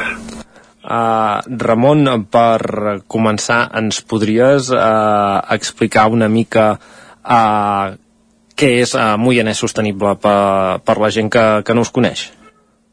Bé, per començar, Moianès Sostenible doncs, eh, parteix d'un grup de, de gent que portàvem ja anys o temps conscienciat i que socis de Som Energia, una cooperativa de, de renovables que funciona des de fa 10-11 anys i que està sede per el territori per tot Espanya, bàsicament per Catalunya, que també els, espanyols també té una, una representació. Vam constituir un local i vam començar doncs, a fer actes de, de, alguns actes de conscienciació. Què va passar? Que ens, parlant ens vam adonar que el que havíem de fer era el que s'està fent arreu, doncs, que és doncs, uh, organitzar-nos i fer doncs, una cooperativa o fer com un grup de gent que poguessin començar a treballar al territori i en aquest cas al Moianès a nivell de cada poble, grups de gent de cada poble organitzar-se per fer front a la transició energètica aquesta tan, tan, tan urgent, aquest canvi climàtic que tenim és urgentíssim sequera, doncs, eh, sequera, doncs, contaminació i eh, a més a més o sigui, a part, de, a part del tema, a part del tema aquest també tenim una altra qüestió i és de que les grans companyies, que ens han venut tots aquests anys els combustibles fòssils que ho han pogut i han fet els beneficis que han volgut, què estan fent ara? Ara estan, estan, estan passant a, l'energia verda, però també d'una tercera forma. I no, hem de, hem de dir prou i hem de, hem de ser capaços d'organitzar-nos. I d'aquí va sortir la, la idea de, uh -huh. de, de la cooperativa. Vam començar a treballar-lo, el mes d'octubre es va constituir la cooperativa i des del febrer estem ja autoritats per la Generalitat, ja estem operatius en, en fi, en, per tot. Ja, ja podem començar a treballar a cada poble i començar doncs, a fer eh, a, a, moure, a promoure comunitats energètiques. Uh -huh. Ah, què, què us està semblant el, el, el paper de, a nivell de institucional en matèria de transició energètica que s'està fent des de Consell Comarcal i Ajuntaments? Per exemple, tenim projectes a Santa Maria d'Oló de crear una comunitat energètica, d'estudiar la viabilitat, si més no, o, o per exemple el Consell Comarcal que està eh, estudiant-ho en, el, en marc de, de comarca. Quina valoració en feu d'aquest paper institucional de les institucions? Això ho valorem positivament. El que passa que, esclar, a veure, com sempre, no, no és el Moianès en general, com Catalunya. Comencem tard. Comencem tard i ara hem de córrer, i hem de, de treballar i hem de, hem de, de, de juntar esforços doncs, públic i privat doncs, perquè doncs, la ciutadania doncs, puguem ser el màxim d'autosuficients. Uh, ara la, a les cooperatives uh, uh, quan, quants membres sou? Uh, vosaltres uh, no sé si ja teniu com a tal una comunitat energètica i, i quants membres uh, sou? Bé, nosaltres estem començant ara o sigui, nosaltres des d'un punt de vista legal estem operant des de, des de, des de mitjans de febrer o sigui, ara estem en constitució doncs, uh, primer volíem fer una constitució amb 60 socis uh, inicialment però al final vam optar per fer-ho per, perquè per raons eh, logístiques, doncs, de, de notari de, i de tràmit i tot plegat, vam fer una, un, un, una, un grup de 10 persones que es van constituir en cooperativa uh -huh. i tot el tenim doncs, ara doncs, eh, un grup de gent per, per, que, que està, està creixent doncs, eh, amb aportacions petites perquè demanem una aportació de 50 euros si volem per entrar. Però, a veure, estem ara ben bé en l'inici de, de, del tema. I no tenim encara comunitats, cap comunitat energètica constituïda, uh -huh. doncs, eh, fent, fent contactes i treballant doncs, i tal, no? I, eh, en definitiva, ara aquesta, aquest manifest vol ser una, una primera crida aprofitant el moment, aprofitant aquest moment doncs, que hi ha d'haver doncs, eh, eleccions i que doncs, els pobles doncs, eh, la cosa està moguda i que, que doncs, pensem que, és l'hora de que doncs, hi hagi un, un autèntic compromís públic i privat, vull dir que la, la gent que estigui als ajuntaments doncs, entenguin mm, jo penso que molts ja ho entenen, evidentment, però que realment entenguin i siguin doncs, eh, entusiastes doncs, eh, i, treballin pel tema. Treballin pel tema per la transició energètica i puguem treballar conjuntament, conjuntament perquè això doncs, no pot fer ni el sector públic ni ho podem fer sols nosaltres, dir, és, són necessaris tots. El que, no, el que hem d'evitar el que hem d'evitar és que continuïn fent-ho els de sempre. Les grans companyies, les grans companyies doncs, que, que, que fan, ara fan muntatges, doncs, eh, supermuntatges, però que, que en definitiva doncs, eh, continuaran estant doncs, vinculats econòmicament eh, els grans beneficis d'ells. I això és un joc que ens hem de treure de sobre. Clar, uh, uh, entrant a, en, el, en el paper de les grans companyies, aquí a la comarca, per exemple, a Calders s'ha projectat uh, un parc uh, de panells fotovoltaics. Aquest és el, uh, la idea, el model que, que vosaltres no compartiu, no? Bé, mm, jo penso que de part d'aquests n'hi hauran d'haver, evidentment, però clar, però en definitiva, en definitiva sempre el problema no és el parc, és, és la, és la dimensió del parc i el que hi ha al darrere. I al darrere sempre trobes, sempre trobes el, el que sempre. No? En aquest cas, Meroil, que, que, que és una empresa uh, petrolera. Sí, i n'hi ha un altre, n'hi ha, n'hi ha, dos, uh -huh. hi ha, hi ha dos, hi ha dos projectes. Val. El de Meroil, que sembla que és el primer que es va fer, i un altre que és una multinacional, que sembla que té la seu, la seu a París. D'acord. Uh, uh, entrem a parlar una mica d'aquest manifest que, que heu publicat aquests últims dies davant l'emergència climàtica. Quins són els eixos principals uh, d'aquest uh, manifest? Quins són el, els punts que, que, que especifiqueu i que voleu remarcar? Bé, eh, aquest manifest, evidentment, sorgeix doncs, de l'emergència, de l'emergència climàtica que tenim, eh, tot el que es diu aquí doncs eh, nosaltres ho compartim que, que òbviament hi ha, hi ha molta gent conscienciada que ho comparteix però que volem també que doncs, sigui públic i que les administracions, els pobles, doncs, la gent que estigui als ajuntaments doncs, realment siguin també eh, doncs, entusiastes col·laboradors i, i, i disfrutar el tema. Llavors aquí tenim com, molt, tot un conjunt de coses. Primer, doncs, eh, a veure, les taulades, les taulades municipals, és una petició que, una petició que fem i que farem doncs, i que els ajuntaments doncs, d'una forma o altra posin taulades municipals a, a disposició. Eh, no n'hi ha prou, segurament que no. També doncs, molts particulars estan posant taulades i també, també tot això es pot, es pot anar conjuntant amb, uh -huh. amb comunitats energètiques. Fins ara eren 500 metres, ara tenim dos quilòmetres de, de radi, amb dos quilòmetres de radi doncs, podem pot haver diferents, diferents punts productors d'energia, diferents punts productors d'energia, uh -huh. també doncs, tot, tot, diferents punts doncs, consumidors, que és, el que, que és el que interessa. Eh, en aquest tema, doncs, des d'un punt de vista econòmic, també doncs, eh, prioritzar la lluita contra la pobresa energètica, que, que, que realment amb, els costos de l'energia és un tema, un tema prioritari, és un tema prioritari també. Llavors, per tant, demanem doncs, als ajuntaments doncs, que siguin impulsors que no frenin, que a més a més doncs, que mm, facin doncs, eh, bonificacions fiscals, que ja molts ajuntaments ja l'estan fent i han començat, i, i en algunes comarques doncs, més, que, més que altres, i el Molinès potser, potser no tant, però també poc o molt tots els ajuntaments estan començant doncs, a, a fer algunes petites concessions eh, de bonificacions fiscals, de l'IBI i tal, a la gent que estan fent instal·lacions i tal. I, eh, avançar, avançar per aquest tema. Uh -huh. Pensem que més, pensem que a més a més i, eh, a, pocs anys vista direm la, la mobilitat elèctrica.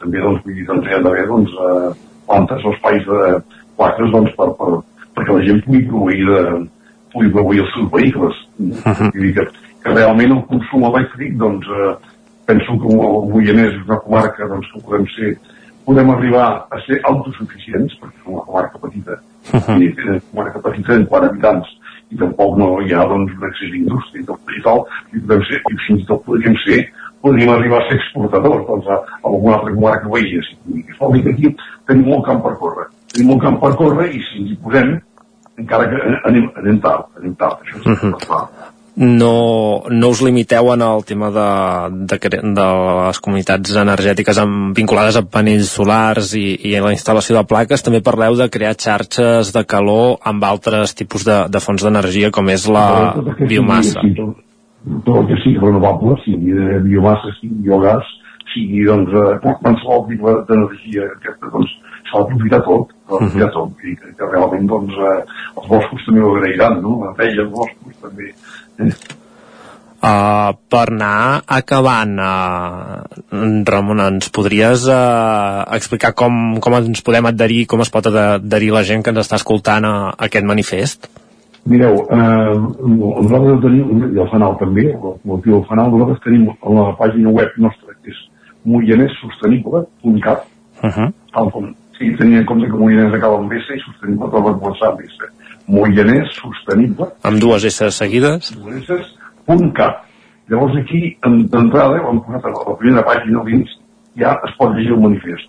Uh -huh. Un, cop llegit, un, un cop llegit el manifest, al costat hi ha una, una, una, una casella, un, un espai per eh, clicar. Clicant sobre aquell espai, no s'han de donar quatre vegades dels que es vulguin, perquè en principi doncs, és obert, eh, de moment no hem publicat cap, cap relació encara de, de, de gènere de vida, però vull dir, pots, pots adherir, pots, pots manifestar que vols, eh, que vols que el teu nom es publiqui no es publiqui, però l'important és que això hagi, que agafi, agafi coixí. En aquests moments, doncs, eh, no sé si això no ho tenim actualitzat dia a dia, però al final de, final de setmana hem vist tants adhesions, de moment són poques, perquè hem començat ara, però esperem que doncs, eh, 15 dies o setmanes, ben bé fins al punt de fins al punt de mitjans d'abril, que serà quan començarà la campanya, la campanya, uh -huh. no, la no, però ha les llistes ja constituïdes, doncs que, que podem oferir ja doncs, uh, un, un manifest amb moltes adhesions, que pensem que, que, que, que és una manera, una manera de recolzar la nostra feina i de recolzar també la feina de, i empènyer la feina dels, dels polítics que han de portar als ajuntaments els propers anys. Uh, consultant la, la web es pot veure el nombre d'adhesions i que no només està vinculat a persones sinó que també es poden adherir tant Bé, entitats bé, com empreses. Entitats, sí, entitats, entitats i empreses etc. Sí, va ser, de, de, moment, de moment està començant doncs, amb, amb, o sigui, hi ha molta molt allà de, de, de, primeres són persones físiques, però evidentment convidem a les entitats, que les entitats, vull dir, eh, el Moianès és un lloc una comarca amb moltes entitats, doncs que les entitats també doncs, comencin a, comencin a afegir-s'hi i les empreses, evidentment, també. Uh -huh.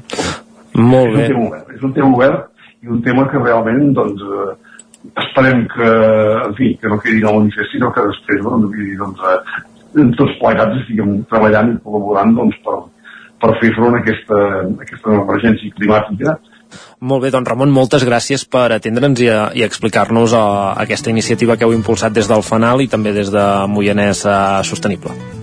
Doncs moltes gràcies a vosaltres per la, per la col·laboració i per la difusió.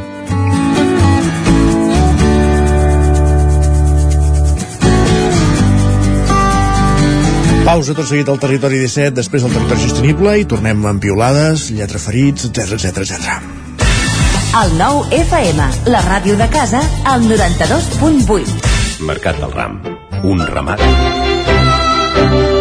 A Boi Galtés trobaràs tot el que necessites relacionat amb l'equitació, t'assessorem i t'equipem amb tot el que et faci falta. Som especialistes. No ho dubtis i vine a Boi Galtés. Ens trobaràs al carrer Jaume I de Vic, número 5, al 93 886 1420, a la nostra web www.boigaltés.es i també som a Instagram, boigaltés.equitació. Cefosol, centre de formació de soldadura GURB. Som especialistes en processos de soldadura. Disposem d'instal·lacions totalment equipades per a classes de teòrica i pràctica amb cabines individuals i equipaments de seguretat. Assessorem empreses i oferim cursos subvencionats i bonificats. Vine i t'informarem. Cefosol, som al carrer Sant Roc, número 9 de GURB. Telèfon 664 206 192. També ens trobaràs a cefosol.com i a YouTube. Mercat del Ram. Un ramat de mercats. Diverteix-te. Viu la cultura i les tradicions. Cultiva relacions. Impulsa el teu negoci. Gaudeix de la música i la gastronomia. Mercat del Ram de Vic. Del 31 de març al 2 d'abril. Ja saps quin és el teu mercat? Troba'l a vicfires.cat. Bon dia, us truco del servei tècnic oficial de Bailand. Hem detectat que la pressió de la seva caldera està baixant. No me n'havia adonat. Com es pot solucionar? Ho resoldrem en uns minuts. No espereu més. Amb el servei de manteniment ServiPlus Connect de Bailand, preocupeu-vos del que realment importa. Nosaltres ens encarreguem de la vostra caldera. Informeu-vos a connectivitat.bailand.es. Ser a prop vol dir veure les coses més bé. Apropa't al que t'interessa amb la xarxa Més. La teva plataforma audiovisual de qualitat, proximitat i gratuïta. Gaudeix dels continguts de més de 30 televisions locals i podcast quan, com i on tu vulguis. Entra a la xarxa més.cat i descarrega't l'app. Cocodril Club. Si t'agrada la bona música dels anys 60, 70 i 80, escolta el 9 FM als matins de dissabtes i diumenges d'11 a 1. És el temps del Cocodril Club, tot un clàssic de la ràdio, amb les bases del pop-rock, les llegendes, les cançons que s'han convertit en autèntics himnes. Recorda, dissabtes i diumenges al matí, d'11 a 1, al 9 FM 92.8. Cocodril Club, el programa revival de l'Albert Malla. Hasta luego, Anuncia't al 9FM. La màquina de casa. 9 3 8 8 9 4 9 4 9. Publicitat arroba al 9FM.cat. Anuncia't al 9FM. La publicitat més eficaç. El 9FM, la ràdio de casa, al 92.8. En punt ara mateix, dos quarts d'onze.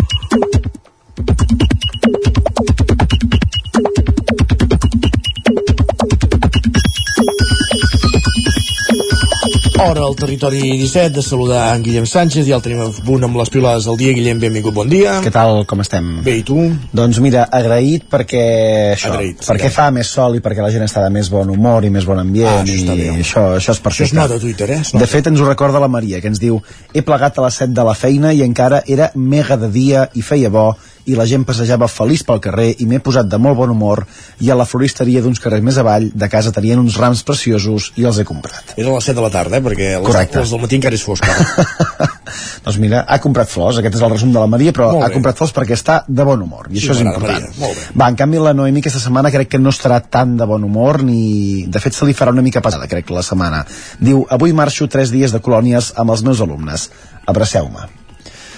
Que no s'ho passarà bé, anar de colònies. No t'agradava tant anar de colònies quan eres Sí, com a, com a alumne sí, però com a professor jo no ho he experimentat mai. Doncs mira. Doncs mira, bé que ens ho, que ens ho expliqui a la, a la tornada, a veure com ha, com ha anat. De fet, la gent per això li reconeix l'esforç, per exemple, la Mònica que li diu mil gràcies com a mare de nena que sol anar de colònies, tens tota la meva admiració i la meva gratitud. Molt bé. Doncs com a mínim les gràcies estan, estan assegurades. Va, i atenció perquè aquest mes de març s'ha arribat a un moment molt especial, Isaac. Aviam, Un usuari que ens escriu ha passat, ha arribat aquest moment el meu primer nòvio i amor adolescent d'alta intensitat amb qui vaig fer el primer petó de, de ben fet de la meva vida, perdó, ha tingut un fill. Carai. Deuen venir records al cap. Segurament. Segurament. I quin és el primer comentari que rep aquest usuari? Doncs mira, el d'en Marc que li diu per si et serveix de consol, la meva està casada amb hipoteca i dos fills. Ah, pensava que en Marc era el... pensava que era l'interpel·lat. No ens ho ha confirmat, però, però bé, què vol dir? Que sempre hi ha algú que pot estar pitjor, no? Exacte. Va, i després del tuit de la Marta es confirma que encara existeix bona gent al món. Ens escriu. Que la meva cap et truqui i et digui que definim dues tardes perquè teletreballi per sempre més, perquè sap que per a mi és important, doncs mira, em treu un somriure molt gros. Molt bé, enhorabona. Doncs mira, gent, gent feliç que se suma a la, a la que ha comprat flors a, ahir a la tarda. Va, seguim parlant de feina perquè, Isaac, no sé si, us ha- si t'has plantejat mai què hauria passat si t'haguessis dedicat a una altra feina, a una altra cosa. T'ha passat mai pel, pel cap a tu això? No ho sé. Allò de dir, mira, jo de petit potser també tirava per aquí o... Quan era petit volia ser eh, eh, botanero, imagina't. Dic. Què hagués passat si l'Isaac hagués estat botanero? Doncs mira, això és el que... Aniria portant bombones per les cases. doncs mira, això és el que també ens ha confessat l'Arnau Tordera, que ens diu, podria guanyar molts diners fent de tallador de pernil. Diu, i aquí estem, fent música. Mm -hmm. I de fet el primer comentari que li diuen és menjar un bon pernil ben tallat és un plaer efímer, la música perdura. I no és maco i és poètic, també. Ostres, tot plegat molt. Va, però s'ha de dir que el menjar cura molts mals, com és el cas de la Gemma que ens escriu, la millor part del dia ha estat quan he esquivat a una noia a la plaça cívica perquè em pensava que em donaria un paper i s'ha apropat i m'ha dit ei, que estem donant mostres de fuet i de pernil. Caram. Diu, era tot el que necessitava a les 9 del matí. que em Oh, digui... Això a la, a la plaça cívica, entenc que és l'Autònoma, Sí. eh, això és un gran què, perquè... En fi. Què, què vol dir que no, M'estal- M'estalvio el comentari. què vol dir que no donen mai res o... No, no, no, no, que el lògic potser hauria estat que et donessin algun producte, Val, val, val, val, val, val, val, sí, val. ja està, res. val. Doncs és que s'ha de dir que som feliços amb molt poca cosa, com també ens escriu la Míriam, que diu he comprat pernil tallat a mà i ja somio amb l'entrepà de demà per esmorzar. Va bé pensar en alguna il·lusió per al dia següent. Jo trobo que té mèrit esperar a, a demà a l'esmorzar. Què vol dir? Que avui per dinar avui, avui per sopar un bon pa amb tomàquet o un bon pa torrat amb el O depèn pernil? com ja no arriben ni a dinar allò, pica-pica, pam, pam, és Però igual. tu no eres d'aquells que quan anaves a comprar embotit, formatge o el que fos, compraves el, la quantitat oficial per arribar a casa i compraves dos talls més per al camí per llavors poder-te menjar. Sí, bueno, en fi, és igual, m'abstindré de comentar. Va, i recordes, Isaac, que ahir parlàvem del bitxí a la secció de les piulades? L'aigua amb gas. Doncs va, avui una altra beguda de la, és la protagonista. Ens escriuen, tinc la sensació que el, ojo, Nestí de maracuyà és la beguda del futur. Diu, i no és cap promoció.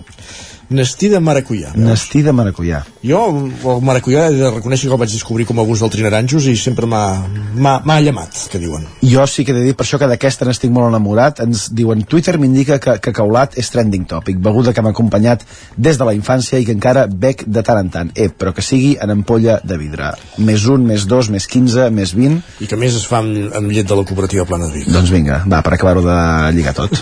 I, I tantes d'altres. I tantes d'altres. doncs va, que vagi bé, Isaac. Molt gràcies, Guillem. Vinga, Bon dia. adéu. Territori 17, el 9 FM, la veu de Sant Joan, Ona Codinenca, Ràdio Cardedeu, Territori 17.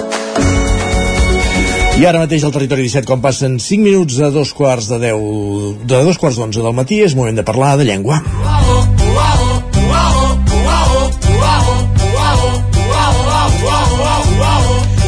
I com cada setmana, com cada 15 dies, quan parlem de llengua, el que hem de fer primer de tot és saludar la Cristina Enfruns, que ja ens acompanya. Benvinguda, Cristina, una setmana més. Ara. Bon dia, bon, Bon dia. què doncs bé, bé, bé. Escolta'm una cosa, us estava escoltant ara amb el Nestí. Ah, ja hem que em dit ja. El maracuyà no, és maracujà. Maracujà, carai. Sí, hem d'escriure amb Jota. Molt bé, Eh? doncs ja ens Tingueu apuntem en compte. aquesta. Maracujà. Doncs de, de totes maneres ens agrada igualment, eh? Ja, ja, ja, va bé. Molt bé. És per ser una mica repel·lent, No, eh? no. Sí, vinga, he ficat el meu El català correcte passa, el que diu aquell. Doncs va, vinga. De què parlem Eh, avui? Bé, doncs, avui farem una mica de comarca i parlarem del Mercat del Ram. Oh, Parlarem del Mercat del Ram i precisament aquest diumenge eh, a Vic hi haurà la processó dels armats. Doncs parlarem d'aquest mot, de processó. la processó al silenci. Doncs parlem d'aquest, uh, aquest mot. I és que segur que molts de vosaltres heu sentit a dir o dieu la paraula professor Oh, en comptes de processó. I us preguntareu, i, està ben dit això? Doncs bé, que sapigueu que professor és tan correcte com processor, perquè totes dues apareixen al, al diccionari normatiu, que és el de l'Institut d'Estudis Catalans. Per tant, totes dues són correctes. Diferència.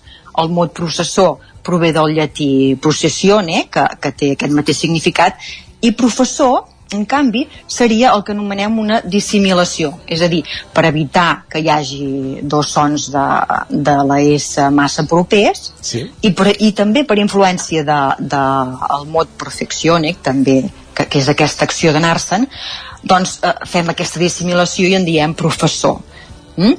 Molt bé. En resum, doncs, podem dir que tant una forma com l'altra són correctes per tant podrem veure tant la processó com la professor, eh? no, no corregim perquè eh, són totes dues normatives apareixen al diccionari Perfecte, I doncs la professor. record, recordem que professor eh, seria el que anomenem una, una paraula homòfona homòfona de, process, de, de professor del mestre eh? Sí. homòfones, és a dir, s'escriuen diferent però es pronuncien igual el professor de mestre seria amb R i en canvi el, la, profe, la professor seria amb accent. accent. Mm? Aquesta seria la diferència. Però bé, aquest era un, un petit apunt d'aquesta professor que tindrem uh, aquest diumenge. I com que no... Digues. digues, digues. No, no, res, jo volia anar amb els meus refranys, com sempre. Doncs anem cap al refrany, si em sembla perfecte. ja ho sabeu que m'agrada reivindicar els refranys i frases fetes i amb aquest mot n'hi ha, en tenim, tenim molt, molt nombroses locucions i refranys com per exemple aquell que diu que li va la processó per dins eh? Sí. anar-li la processó per dins és a dir, eh, que dissimula un estat de, de preocupació o de por doncs sí. això és anar-li la processó per dins o bé ser més llarg que una processó una cosa tan llarga que no s'acaba doncs podem fer és, és servir aquesta expressió És el contrari de- ser més curt que una cua de conill. Vindria així, això, eh? o ser curt de gambals també, no? També. que també uh, també un altre que diu no es pot repicar i anar a la processó Sí. és a dir, s'ha de fer una cosa eh? no es poden fer més de dues coses a l'hora concentrem-nos en una cosa o bé mm, la processó és llarga i el ciri curt és a dir, que quan els mitjans escassegen i les necessitats són grans doncs podem fer servir també aquest refrany Molt bé. què et sembla? Doncs molt xuls aquests, aquests refranys avui relacionats amb la paraula processor o professor, que són sinònims i totes dues són correctes. exacte, I posem música. va bingo Doncs va, avui es toca això. que ja he plorat prou a estar bé sobre la tarda.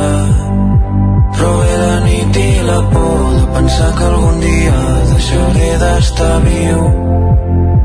I allà al final quedo jo expert en acumular desastres que la teoria la sé i que donar sense rebre sona bé quan s'escriu. Però ja he plorat prou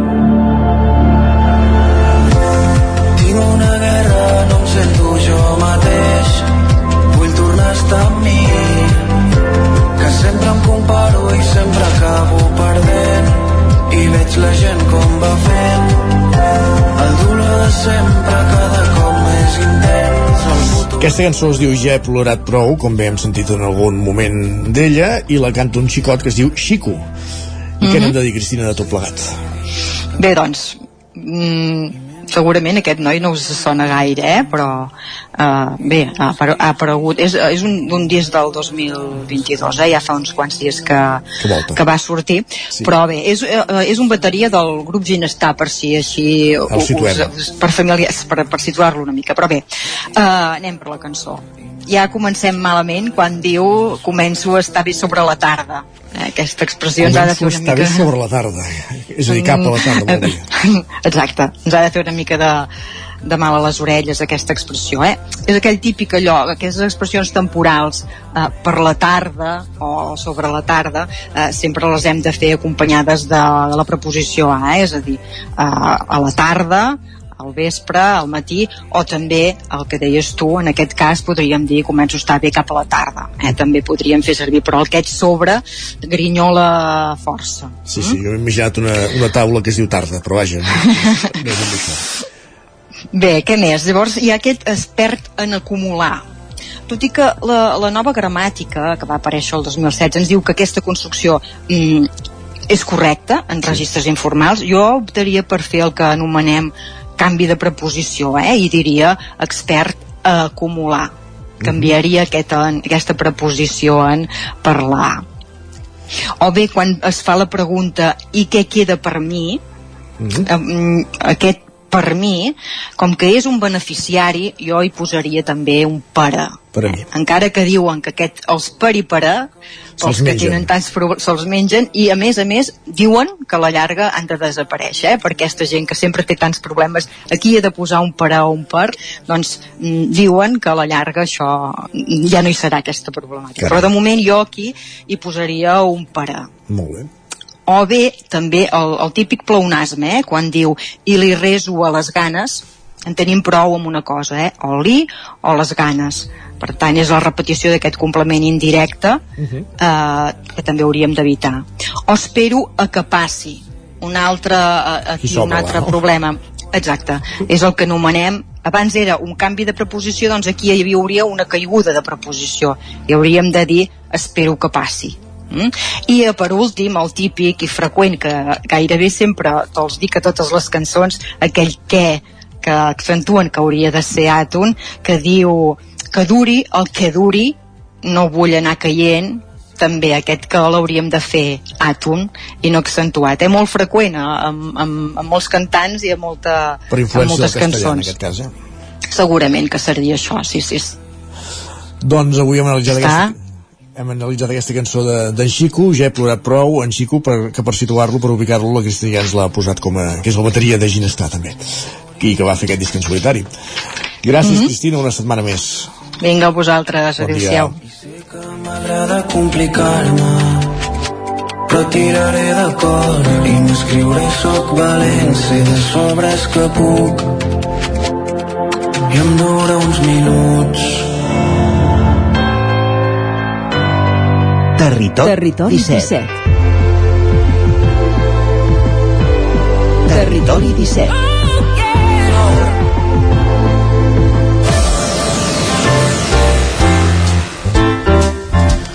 Torn pel Lletra Ferits al territori 17. Avui eh, anem a Ona Codinenca per escoltar la conversa que en Roger Rams ha mantingut amb l'astròleg, terapeuta i veí de Sant Feliu de Codines, Josep Guarch, que ha publicat recentment el seu llibre L'alquímia de la personalitat, un treball que veu la llum després de molts anys de feina. Roger Rams, Ona Codinenca, benvingut de nou, bon dia. Doncs molt bé, Josep. Primer de tot, abans eh, d'endinsar-nos a les pàgines d'aquest llibre, voldria demanar-te si ens pots fer 5 cèntims, 5 cèntims, de què és exactament això de l'astrologia humanista. Explica'ns una mica. Mira, l'astrologia és un saber molt ampli que, que inclou moltes branques. Uh, jo vaig començar els, només amb 12 anys, en tinc 60, o sigui, fa 48 anys. Vaig ser molt prematura en aquest aspecte i el que a mi em va cridar més l'atenció de l'astrologia, malgrat que la gent pensa sempre en el tema del futur, no? El que a mi em va cridar és que jo vaig veure de seguida que era una eina extraordinària d'autoconeixement. I així és on em vaig centrar jo no? tot i que vaig veure que la part que enfocava més el tema de l'autoconeixement era una branca poc desenvolupada de l'astrologia que era l'astrologia humanista. De fet, hi va haver un precursor d'en Rudyard, que era un gran astròleg que ja va morir fa anys, que ell va posar unes petites pinzellades en aquest tipus d'astrologia. De, de fet, ell té un llibre publicat sobre temes de personalitat i, curiosament, que això ho vaig descobrir després de, de posar el títol al llibre, i ell té una frase en aquest llibre que diu que la fita de l'astrologia ha de ser l'alquímia de la personalitat. Curiosament, el títol del meu llibre. O sigui, Home. fixa't que, i això ho vaig descobrir a posteriori d'haver posat el títol en el meu llibre, que clar, em va crear molt l'atenció que sobre aquest, aquesta frase concreta estigués ja en un precursor de l'astrologia humanista. I... Sí, en realitat ve ser com per mi, per una banda, una gran eina d'autoconeixement, però jo l'enfoco sobretot en la banda del creixement a nivell de consciència i fins i tot en el creixement espiritual fora del que seria un context religiós, no? Perquè moltes vegades s'associa l'espiritualitat a la religió i jo crec que una cosa no té per què tenir a veure amb l'altra, no? I com, com comences tu? Perquè ens expliques que ho fas amb 12 anys, per tant, com has dit, prematur, jove. Com, com comences? Bé, eh, jo és que de molt, molt, molt, molt petit ni me n'en recordo l'edat. A mi sempre m'havien interessat tot, tot el tema de, dels misteris, les ciències ocultes, les piràmides d'Egípcia, d'Egipte, els ovnis, i aquí, de fet, tinc una anècdota important per explicar perquè jo sóc nascut a Caldes vaig viure a Caldes fins al 2007 llavors vam venir a viure aquí a Sant Feliu de Codines i la meva família són rellotgers el meu germà és la cinquena generació de rellotgers a la nostra família no? I el meu tiet que era diríem l'hereu el, el cap del negoci jo era molt petit i recordo que un dia em va dir has d'anar a arreglar un rellotge a Sant Feliu de Codines, vine amb mi que segur que t'agradarà. I em va portar a casa de l'Antoni Rivera i jo recordo que ell ja va quedar molt impressionat que un nen tan petit tingués tant d'interès per aquestes coses i de fet em va dedicar un llibre que encara el tinc guardat a casa no? amb molt de carinyo perquè fixa't que curiós no? vinc jo aquí a Sant Feliu a veure l'Antoni Rivera que llavors el vaig anar seguint amb conferències a diferents llocs perquè m'encantava el que explicava i tot el seu treball no? I en un moment determinat em cau a les mans. Ara no et sabria dir el què no recordo si, si un llibre o una revista que parlava dels signes del zodíac però al mateix temps parlava del signe ascendent. I això em va cautivar. Vaig veure que allà hi havia un món molt desconegut i que s'enfocava directament amb això que tant m'interessava que era per mi el gran misteri de la humanitat que és la personalitat humana no? per què som com som eh, perquè no som d'una altra manera, perquè suposadament hi ha bones o males persones, podem o no podem canviar, com ho podem fer per fer-ho, i així és com jo me'n vaig anar al meu tiet, que era el germà del meu pare, que era com el meu benefactor, i jo li vaig dir, tiet, vull aprendre astrologia. I en 12 anys ell em diu, demà ens n'anem tu i jo a Barcelona i jo recordo encara avui eh, una botiga de màgia i ocultisme al carrer Vallirana un home amb barba blanca poblada no? i el meu tiet li diu el meu nebot vol aprendre astrologia i l'home li diu vostè sap que en aquest país està penada i que pot anar a la presó estem parlant encara de, de la dictadura no? ah, fa 40 i llargs anys exacte el meu tiet que m'havia metre 90 i pico i pesava 130 quilos que per mi era com un gegant i era molt així tirat endavant li diu miri no m'expliqui la seva vida digui'm com ho ha de fer el, el meu nebot per aprendre astrologia. L'home es va quedar així molt parat i li diu miri nosaltres estem en contacte amb tot el que són transports confidencials que s'entren al nostre país d'amagat. Uh, vingui d'aquí dos mesos que jo tindré el seu llibre i el meu primer llibre d'astrologia va venir des de l'Argentina i va ser passat de forma confidencial i així és com jo vaig començar a estudiar astrologia. Déu-n'hi-do, Déu-n'hi-do, déu nhi déu Home, eh, si més no, un principi potent, no? Diríem, un principi... Clar, pensa que estem parlant de 12 anys i jo t'hi podria afegir aquí 3 anys més, l'edat que avui té el, el meu fill Pau gran, eh, que té 15 anys, en 15 anys jo m'estava llegint les obres completes d'en Sigmund Freud Sí, perquè vegis fins a quin punt a mi m'interessava tant el tema de la personalitat. captivat, no? no? Per què? Pues perquè no m'entenia jo, era un nen adolescent que no s'entenia com, com era, no entenia el seu entorn, les relacions interpersonals, etc. no? I això és el que em portava a, a, a investigar, no? sí, a indagar que, que era un misteri. No? Uh -huh. Home, uh, anem ja una mica a l'alquimia de la personalitat, aquest llibre, què hi trobarà el lector? Tu què diries que és el que... Mira, d'entrada diria hi ha quatre pilars bàsics. El primer és una introducció a l'astrologia humanista amb eines i recursos perquè la persona s'ho pugui autoaplicar. per tant, perquè li quedi clar què és l'astrologia humanista i com es diferencia de l'astrologia en general, no? En segon lloc, que jo crec que és el més important d'aquest llibre és una creació autòctona meva que és uh, un model de personalitat clar, sembla així molt poca cosa Home. Però hem d'entendre que tots els models de personalitat existents fins a la data tenen una base estadística què vol dir això? Vol dir que si a tu t'apliquen des de, per exemple, la psicologia clínica un model per estudiar la teva personalitat, els rasgos de personalitat hi encaixaran milions de persones, no només tu. El que jo he fet ha sigut desenvolupar un model de personalitat a través del qual tu pots extreure un perfil totalment individualitzat. És a dir, de, de fugir una mica d'aquests grans trets, no? Correcte. I, i, I aprofundir una mica més en... Correcte, i aquí, clar, la gran màgia de l'astrologia, que és que jo sobre no necessito ni entrevistar-me amb tu. Si només amb les teves dates de naixement jo puc Ja. treure un perfil de personalitat que probablement un psicoanalista necessitaria anys per arribar a les conclusions que jo arribaré sense veure't. Mm -hmm. Déu-n'hi-do. Llavors, eh, podríem dir el, el tercer pilar d'aquest llibre és una descripció dels 12 signes del zodíac en base arquetípica, lliures dels típics tòpics Aquí, aquí volia anar. que la gent dona per sentat i que són tòpics totalment falsos, que no tenen res a veure amb la realitat. Són falsos? És a Són dir, falsos. aquests Són eh, que ens tòpics- trobem en els diaris... En... Són tòpics falsos. Sí? Sí.